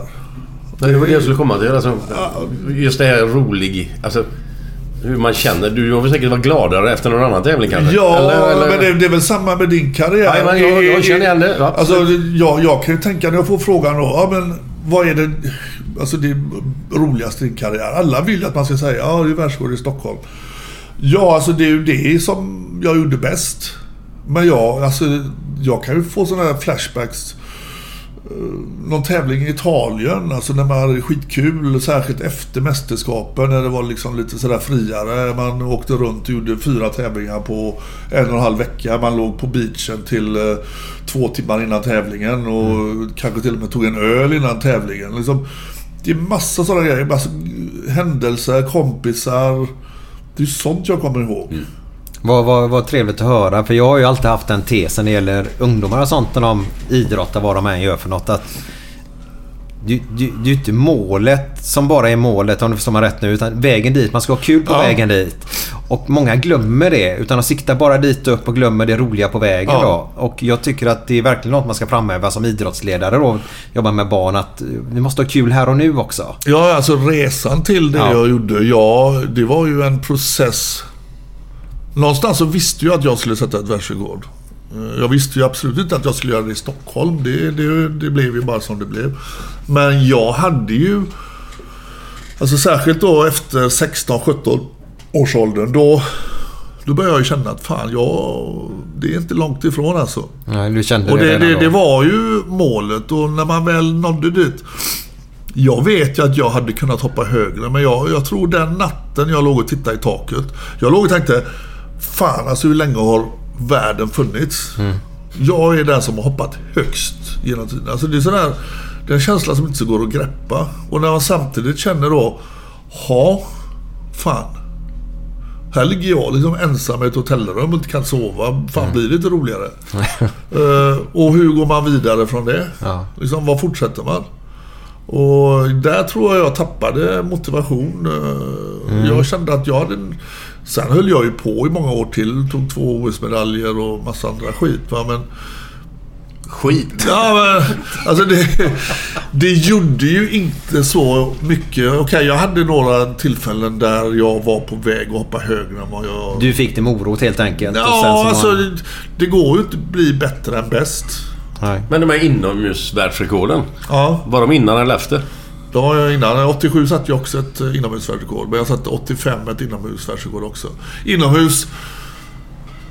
Ska, jag- det, rä- alltså, det räknas det tydligen, men på min tid så räknas det inte för de här golven som vi tävlar på inomhus eh, var ju ibland jävligt tvivelaktiga. Det var ju... Svikt på Ja, vissa. Ja, svikt och så trampolin och det, det, alltså det, det finns ju en mängd eh, killar som har hoppat extremt mycket högre inomhus än utomhus. För att de kunde verkligen eh, använda golvet. Och det har jag alltid sagt. Hade vi vänt på allting att vi liksom eh, satsade enbart ordentligt på inomhussäsongen och hade en in, inomhussäsong som var kanske tre månader, fyra månader. Alltså vi hade haft ett världsrekord på 2.55 minst alltså. För det är det ja. Vissa banor är liksom, det är bara löjligt. Eh, när du träffade rätt på det på, på, eh, alltså på, i golvet med svikt. Alltså det, det, Det är ju två helt oskilda sporter Ja, ja det, det, det är därför du, jag är ju alltid skeptisk när jag ser det som inomhusresultat. Det, Okej, om det ligger på en betonggolv och det är ingen svikt, då är det som utomhus. Men annars, när det byggs upp på de här träramperna, det, Nej. det finns ju en anledning. Där ser man ju trestegaren. Jag såg det var väl Christian Olsson här i Skandinavien tror jag. Ja. Sådär. Där, där blir det ju... Nu ska jag inte säga att det bara blir jättesvåra men det blir svårare för helt plötsligt så eftersom han flyger lite längre med tekniken där. Nej, men det, det, där, det där har ju Christian Olsson hittat på själv. Han säger att det är märkligt för han eh, kan ju inte hoppa långt på de här inomhusbanorna egentligen. Jo, Christian Olsson har samma skolning som mig. Jag har också hoppat tre steg. Så kom inte säga till mig att du inte får hjälp av banan när du hoppar inomhus. Det, Ja men det får du. Du får ju svikten Ja, ja, det då. Sen han- måste du ju kontrollera då tekniken på det men naturligtvis. Det, jag menar, nog fan får du ihop eh, ett hopp någon gång, vilket han fick på Skandinavium. Han satte ju min inomhusvärldsrekord Mm. där. Jag själv hoppat på Skandinavium och jag vann ungdoms-SM. Jag tror jag satte personrekord med en meter. Oj. Det var liksom eh, första hoppet. Jag knäckte ju allihopa. Jag hoppade 14.07 eller något sånt där. Liksom det var sådär, jag landade ju aldrig. Det var helt sjukt. det skulle jag aldrig gjort på en vanligt golv liksom. Nej. Så när Christian säger att nej, jag, jag har ju- har ju en sån teknik som gör Christian hoppar exakt likadant som jag hoppar. För han kom som höjdhoppare. Så att vi hade exakt samma löpning, exakt samma armföring. Så det var liksom... Det är ju klart att Christian, hade inte han fått sina skadeproblem så hade han jobbat mycket, mycket längre inomhus. Det, Sen får han tycka vad han vill. Ja, han har sagt det. Det var mer än Ja, jag jo, jo, nej, han har Okej. sagt det. Att, Ja. att han, hans teknik inte passar för inomhus. Jo, det Ah, okej. definitivt. Men du har ju tjänat bra med härliga deg på 80-talet där. Jag vill komma in på det lite grann Ja. med svarta kulor. Ja. För, för jag har ju, Glenn och vi har ju pratat ibland och du har ju också pratat om det lite, inte jätteuppväxt så här Glenn, men det var ju lite annan betalning på den tiden. Ja, ja. Eh, vi pratade om det i början här i podden om, om lite olika... eh, ja, han vill ha svart betalning, uh, backhopparen. Ja. När ni var där med Ja. TV3 där. Ja. Eh, och på den tiden, och kom vi in på doping också gjorde vi då. Eh, och eh, på din tid har du sagt i din bok att då var det till och med så att man kan få betalt om man lämnade dopingprov eller något sånt där. Då kan man få en 500 dollar extra eller något sånt där. Eh, men hur, alltså den här svarta kulan tycker jag är så intressant för då var ju nästan all betalning när du var ute och eh, turnerade var ju, eh, vad hette det, pengarum eller vad var det? Ja, the- Money Room. Det var, det var det första man... eh, Då fanns ju inga agenter heller. Det fanns inga managers. Så att vi själva idrottsmän fick ju förhandla med arrangörer och sen efter tävlingen hämta ut eh, både start och bonuspengar då, beroende på hur man hoppade. Jaha, så ju bättre man hoppar ju mer lågt det fick man. det fanns då. alltid ett sånt höjningsschema då och det började oftast på runt 2.30. Så att du kunde, vann du en tävling på 2.38 så gjorde du dig kanske en 5-6 tusen dollar extra. Vad, vad kan man få ungefär för en tävling? det var ju också beroende på vem det var. Jag låg väl eh, under några år på mellan 20 och 25 000 dollar. Dollar. Ja. ja sen 200 000 då ungefär. Ja, dollarn den skenar ju ibland och ibland så... Ja, var den ju låg där på inåt helvete. 90-talet Så det, det var ju... Det var ju den valutan som man fick betalt Ja. i. Och det var ju skattefritt. Eller det var svart. Jag frågar inte, fråga mig inte hur de löste det. Det, det var liksom aldrig några problem. Problemet var ju för oss när man kanske gjorde några tävlingar på raken. Alltså det, man gick ju runt och hade en stor bunt dollar. Och eh, nu var det ju inga problem. Jag vet ju i... eh, vi svenskar hade ju inga problem med tullar och så men... Jag vet, jag hjälpte ju ryssarna ibland. De kunde ju inte ibland ta med sig sina pengar till... eh, Det var ju några ryssar som tävlade lite mer än andra. Så att jag fick ju agera bankir för några. De gav mig sina pengar efter tävlingen och sa Ah. att nästa tävling men de köpte ju grejer och tog med sig hem. De kunde ju köpa dammsugare, bergsprängare, sådana musikgrejer. Och det kunde de ju då hävda att de hade vunnit i sina tävlingar. Då. Så att, eh, Fick de behålla de grejerna när de kom hem? ja, eller? det, då kunde de sen sälja dem vidare när de kom hem. Då, Ja. liksom. Så det, det var mycket sånt meck med grejer. Och Men- dollar, var inte det hårdvaluta i USA, eller Ryssland? Ja, men de var ju rädda då att de skulle bli tagna i tullen och Ja. då blir de ju av med allting. Så, att det, det, så jag vet inte, det är många jag hjälpte med just det. Och jag har ju fått skit för eh, att jag har haft dålig eh, skattemoral. Och jag, jag har fått liksom skit från idrotts eller friidrotts-Sverige då. Det är ju bara jävligt konstigt för det är ju de som har lärt mig hela det här systemet. Jag har fått svart betalning i, i Sverige eh, på alla jävla tävlingar som jag gjorde. Det var liksom ingen eh, som överhuvudtaget diskuterade Nej eh, vad som skulle betalas in som skatt eller inte. Det hade ju blivit jävligt märkligt om jag hade betalat skatt på pengar från, låt säga en tävling i eh, Västerås. Dels så var vi ju klassade som amatörer. Vi fick ju inte tjäna pengar. Ja, just det. De som satt och betalade ut pengar i till exempel Västerås. Ja, de kunde till och med sitta med i styrelsen för Svenska Friidrottsförbundet eller i styrelsen för eh, deras distriktsförbund. Och de kritiserar dig, någon som satt på den helt- stolen då? Helt plötsligt då, ja, han tävlar inte här för han kräver för mycket betalt. Bara liksom, jaha, okej. Jaha. Hur betalar ni era idrottsmän då? Ja. För enligt den officiella eh, versionen så betalar ni inte någon. Herregud. Och helt plötsligt så sk- ska jag ha för mycket betalt. Liksom. Hur vill ni verkligen gå in i den här liksom, debatten överhuvudtaget? så det, det, det där blev... Jag lärde mig att ta betalt redan när jag var 14, då fick jag betalt första gången.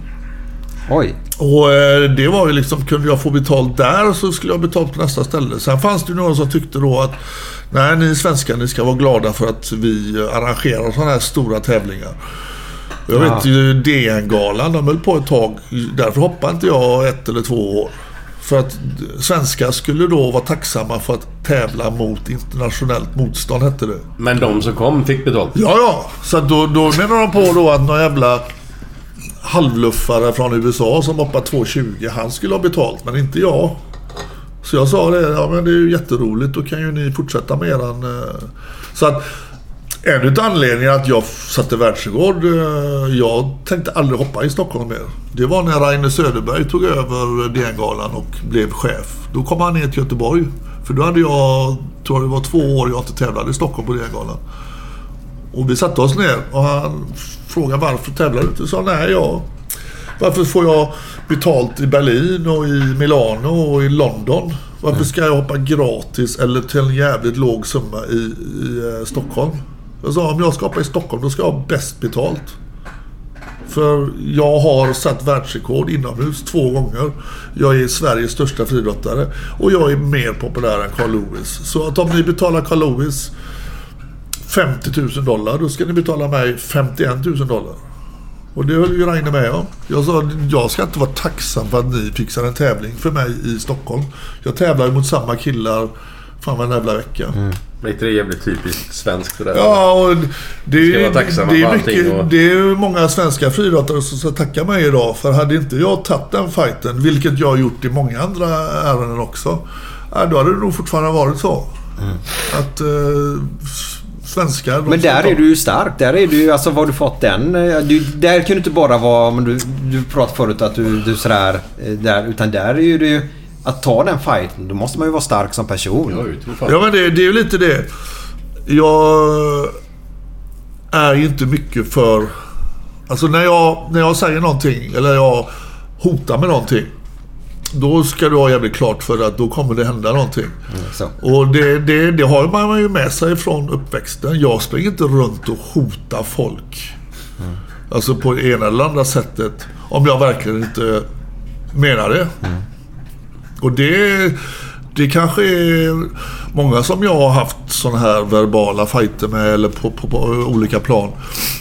Men när vi hade Bengt Westerberg, eh, gamla politikern i Friidrottsförbundet. Han skulle sätta mig på plats. Han fattar ju inte liksom att det är ingen idé att bråka med en sån som mig om du inte är alltså, redo att gå hela vägen. Kan du inte ta han Bengt Westerberg, det bråket ni hade där? För det är alltså, alltså jag hatar ju sådana människor som han i detta läget. Ja, men han är ju en orm.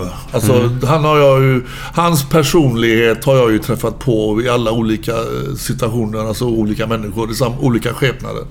Han är ju en lallare som bara har glidit igenom det här liksom, eh, professionella livet på en räkmacka. Jag kommer ihåg att jag träffade honom på en middag här i Göteborg där han det var någon så officiell tillställning. Det var första gången jag träffade honom. Och då han sitter och berättar för mig att han är gammal höjdhoppare. Jag, han bara? Okej. jag bara liksom, jaha, okej. på vilken nivå då? Ja, jag var ju väldigt... Hade inte jag satsat på andra saker så nog hade jag... Ja, men vad då? Liksom, vad, vad, vad har du hoppat? Ja, det kom något sånt här som alla kör då i skolan och bla bla bla. Jag sa, men det, det där håller ju inte. För det är ju samma sak som jag säger att jag hade varit där du är idag om jag hade satsat på det du gör. Mm. Jag hatar när folk, för det måste du också ha hört Glenn. Alltså, hade jag, hade jag Jag satsat var- på fotbollen så hade jag... gånger, hundra ja, men det Eller den klassiska, hade inte knät gått sönder? Ja, precis. Menisken gick Ja. sönder. Ja, visst. Jag två tog, veckor. jag tog menisken och jag hoppade eh, Grand Prix fyra dagar efteråt. Så var ju liksom, var ju problemet. Mm. Nej, så att det där, där träffade jag Bengt Westerberg första gången. Sen när han då skulle komma in i svensk friidrott. Han fixade ju så Ludmilla Enqvist fick då ett snabbt medborgarskap. Mm. Jag sa till Svenska Idrottsförbundet att är ni medvetna om att det kommer saker i bagaget med henne? Liksom, hon är ingen positiv eh, personlighet för svensk friidrott. Men eh, det, det var ju Bengt Westerberg som löste det här med sina kontakter. Hon skulle ju inte fått medborgarskap så snabbt och inte då kunnat ställa upp för Sverige så tidigt. Eh, han var med på en Europacup. Då var han fortfarande inte ordförande utan han var bara med och lärde sig. Då satt jag i baren dagen innan tävlingen och tog en öl. Och han kommer in och så sätter han sig vid vårat bord. Och det var några andra killar som satt och tog en öl också. Så började han då. Vad, vad håller ni på med? Och jag bara tittar på honom. Han hade inte ens presenterat sig. Så jag sa, men du kan väl börja presentera dig istället. Vad, vad, vad gör du här? Mm. Ja, men jag kommer ju bli den nya ordföranden. Ja, det är bra. Då vet vi det. Ja, men vad gör ni? Ja, vad vi gör? Vi sitter i baren. Ja, men ni dricker ju. Ni har ju inte tävlat än. Och jag bara sa, du, behöver, alltså, behöver jag en extra pappa så säger jag till. Ja, nej, det, nu är det slut med detta. Och jag såg ju några av de här killarna, de blev sådär, ja de ställde undan sina öl. Då gick jag ju, tog en öl till och satte mig bredvid honom igen. Och så tände en cigarett. Jag sa, vad, vad är det du försöker förklara för mig? Ja, det kommer vara alkoholförbud på, i landslaget. Ja, så det. Den dagen du försöker att tvinga mig till någonting, då kommer inte jag vara med längre. Och där började vi ju käfta. Va? Så att jag tog väl en öl till. Och eh, sen, jag vann ju dagen efteråt så det var ju inte några problem. Och eh, efter det så skulle han ju försöka att mästra mig. Så jag fick ju, alltså efter VM i Göteborg, hur det miss- missköttes. Han satt med då som, som ordförande och släppte hela arrangemanget. Eh, vi svenskar friidrottare som då får uppleva en fantastisk tävling på Ullevi. Alltså vecka med helt enorma resultat och eh, alltså stämning. Vi fick ingenting. Vi fick inga bidrag de två sista åren innan VMet. Jag bara sa att vad fan, vi är de enda i hela världen som får ett VM och så skiter vi i idrottsmännen. Jaha, de, de satsar inte på idrottsmännen Nej, vi fick inte ens träningsbidrag och de säljer då eh, sponsorer. Det kom in liksom flera stora sponsorer i landslaget. Man kommer ihåg att jag satt på en presskonferens. Då kom det fram en då, tror jag Svenska Spel eller någonting. Och ska sätta på mig en badge på tröjan där det står med deras logga. Sa, vad fan gör du? Jag hade ju Asics, min skosponsor. De var de stora som jag fick betalt av. Bra betalt. Jag sa, jag sätter inte den på min sponsor.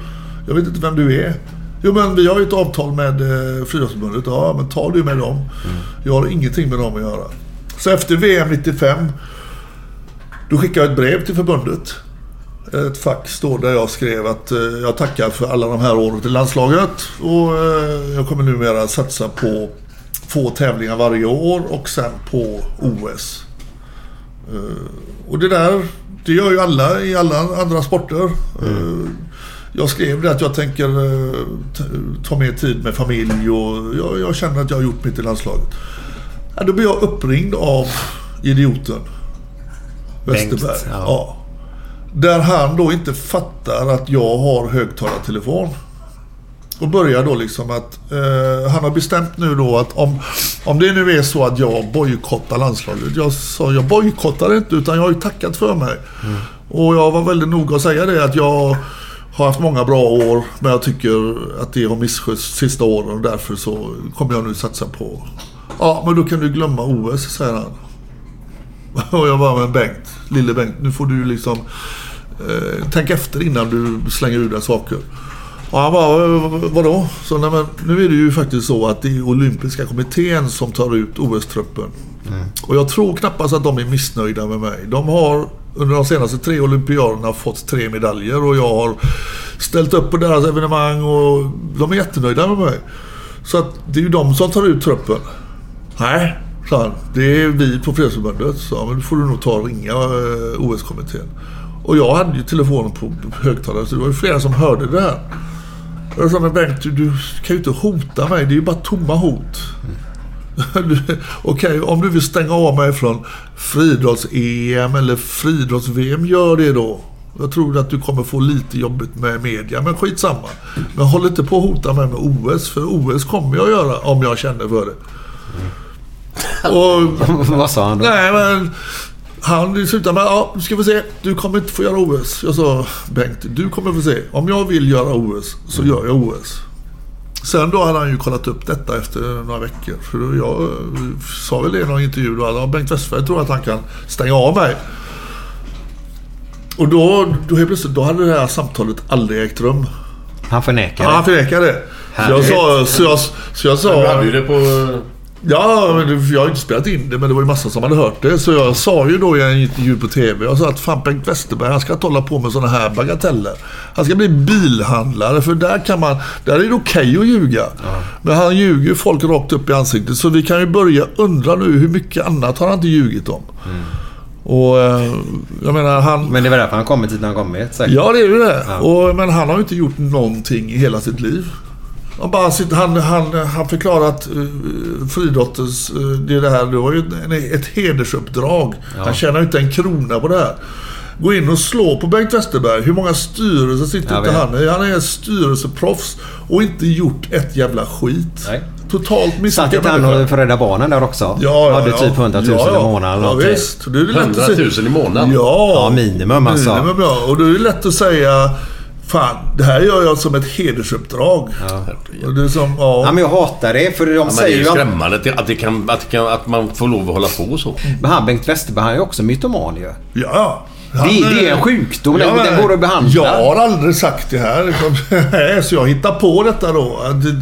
Och nu var det ju så att jag gjorde ju faktiskt... Jag var ju i OS Atlanta. Han kunde ju inte stänga av mig. Nej. Och att jag skadade mig sen då två dagar innan kvalet. Jag var i min livsform. Alltså jag bara såg det framför mig. Jag visste, jag kommer ta medalj och förmodligen vinna.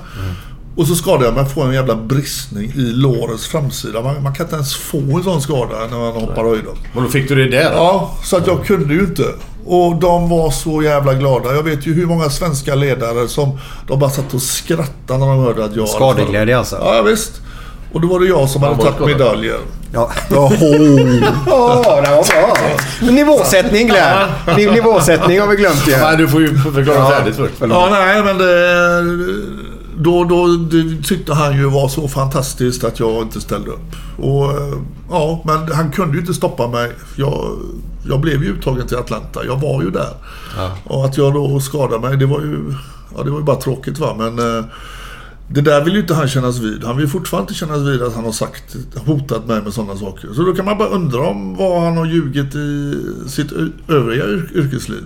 För han trodde ju på, på allvar att han skulle kunna på något sätt rätta in mig i ledet. Liksom, rätta in mig och, och, och det var så många innan honom som hade försökt med detta.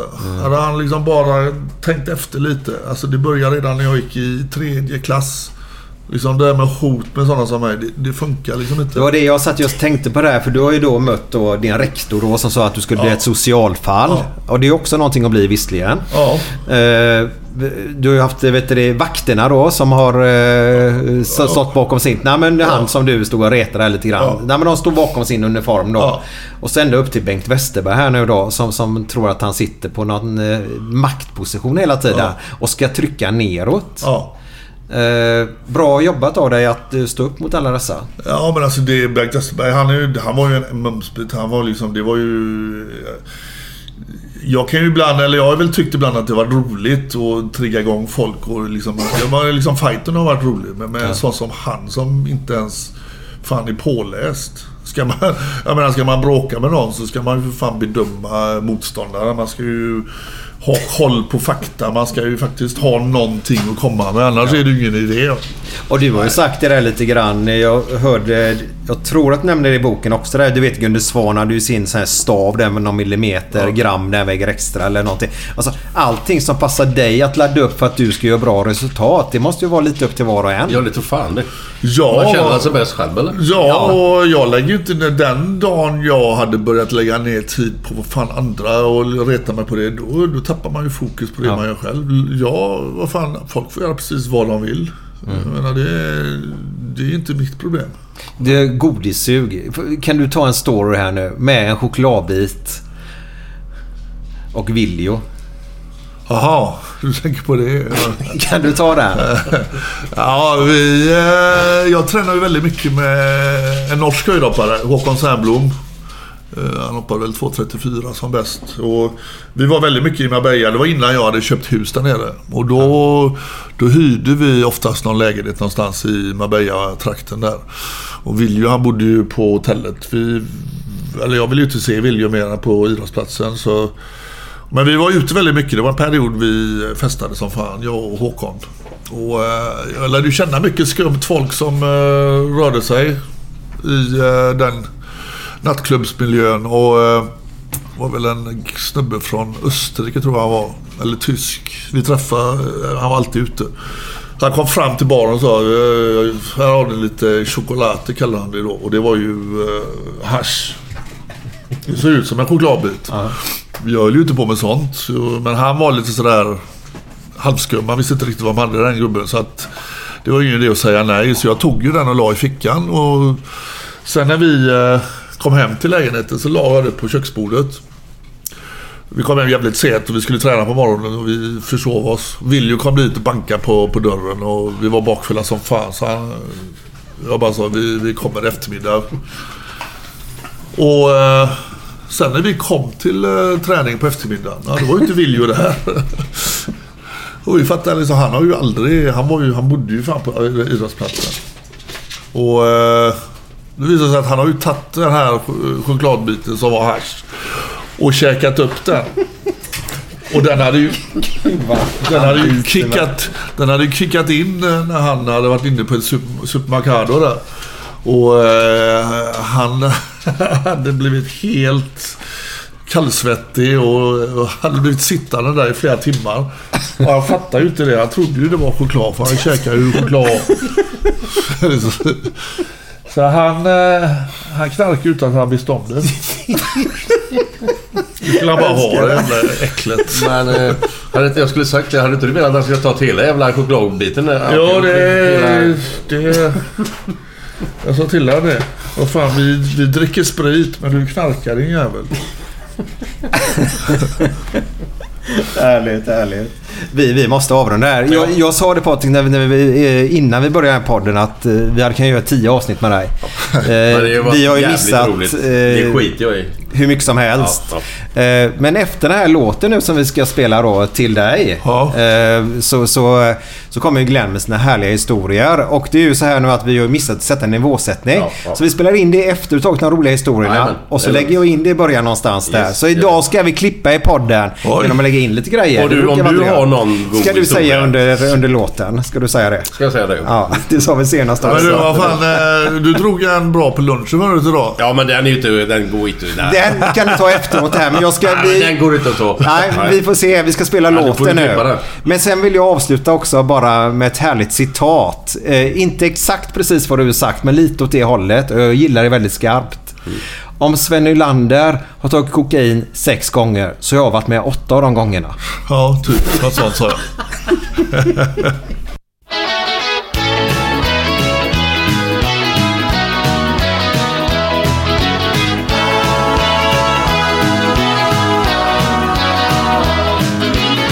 Ja, du kan alltid titta på pojkarna över 35 Räck dem gärna handen så följer de dig hem.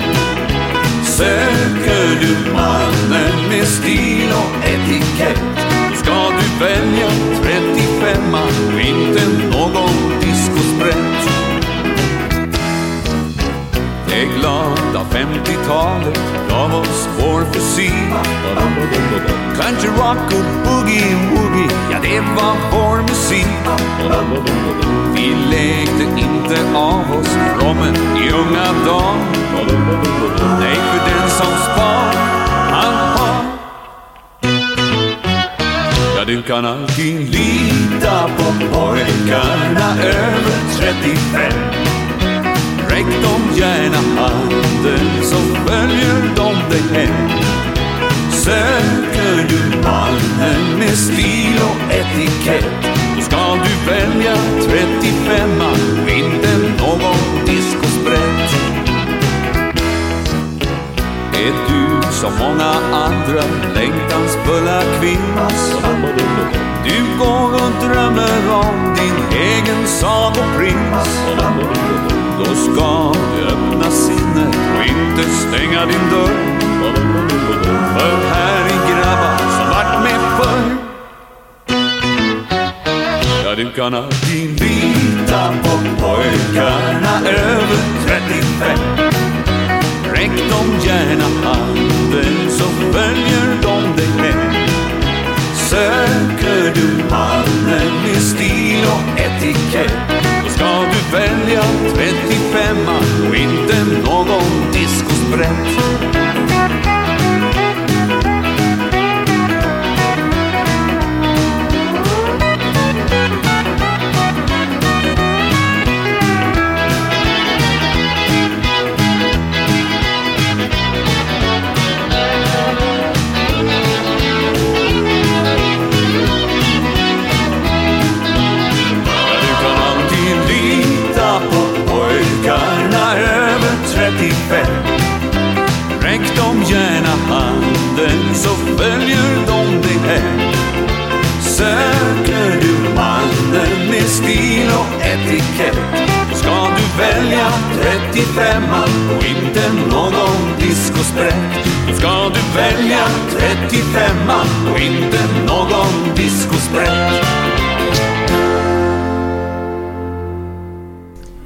Höna som jagas av en tupp tänker Om jag stannar knullar han mig. Och alla tycker jag är en jävla hora. Men om jag springer så får jag ju ingenting. Det är bäst jag ramlar omkull. Va? Va? Ja, ja, det är så dåligt. Det är bäst jag ramlar omkull. Då får du... Jag tycker det är kul. Jag tycker det är vansinnigt roligt. Han är så långsökt. Vet du hur ett finskt graviditetstest går till? Du stoppar in en flaska Finlandia i musen och väntar en stund. Är flaskan tom när den kommer ut igen så är det någon jävel där inne. Det är så...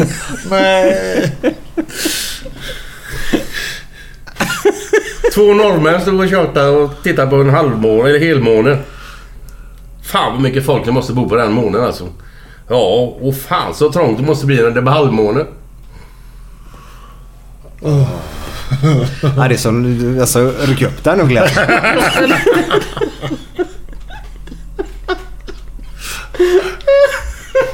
Okej, jag kan, den här är bra tycker jag. Det var, Den det, var, också. det var en skotte och en irländare och en äh, engelsman. De stod och snackade om vilka, de tyckte, vilka är de mest intelligenta djuren. Och då säger eh, skotten. Ah, jag måste nog säga delfinen. Jaha. Ja, du kan slänga i bollar och grejer och de kommer nog skicka tillbaka den med noser och de kan... Du visslar med en pipa så kommer de liksom... Ja, det... Mm. Säger engelsmannen. Nej, jag tycker nog fan hunden alltså. Det, det, det är den bästa. Vad man än gör, de vet exakt vad man ska göra liksom. Du skickar bollar, du skickar det hit och dit. Han kommer och sätter han sig. Sitt, ligg, gör vad fan som helst. Ja, ja, ja. Vad säger du då, irländare? Ja, säger irländaren. Jag måste säga grodan. Grodan? Vad fan, vadå för? Jo, för att jag var inne på ett, eh, ett museum och så var vi på biblioteksavdelningen. Det var en jävla massa böcker och så var det ett hål i taket. Och det regnade in som fan och böckerna flöt omkring på golvet. Och från, från bok till bok så hoppade en groda och sa Reddit, Reddit, Reddit.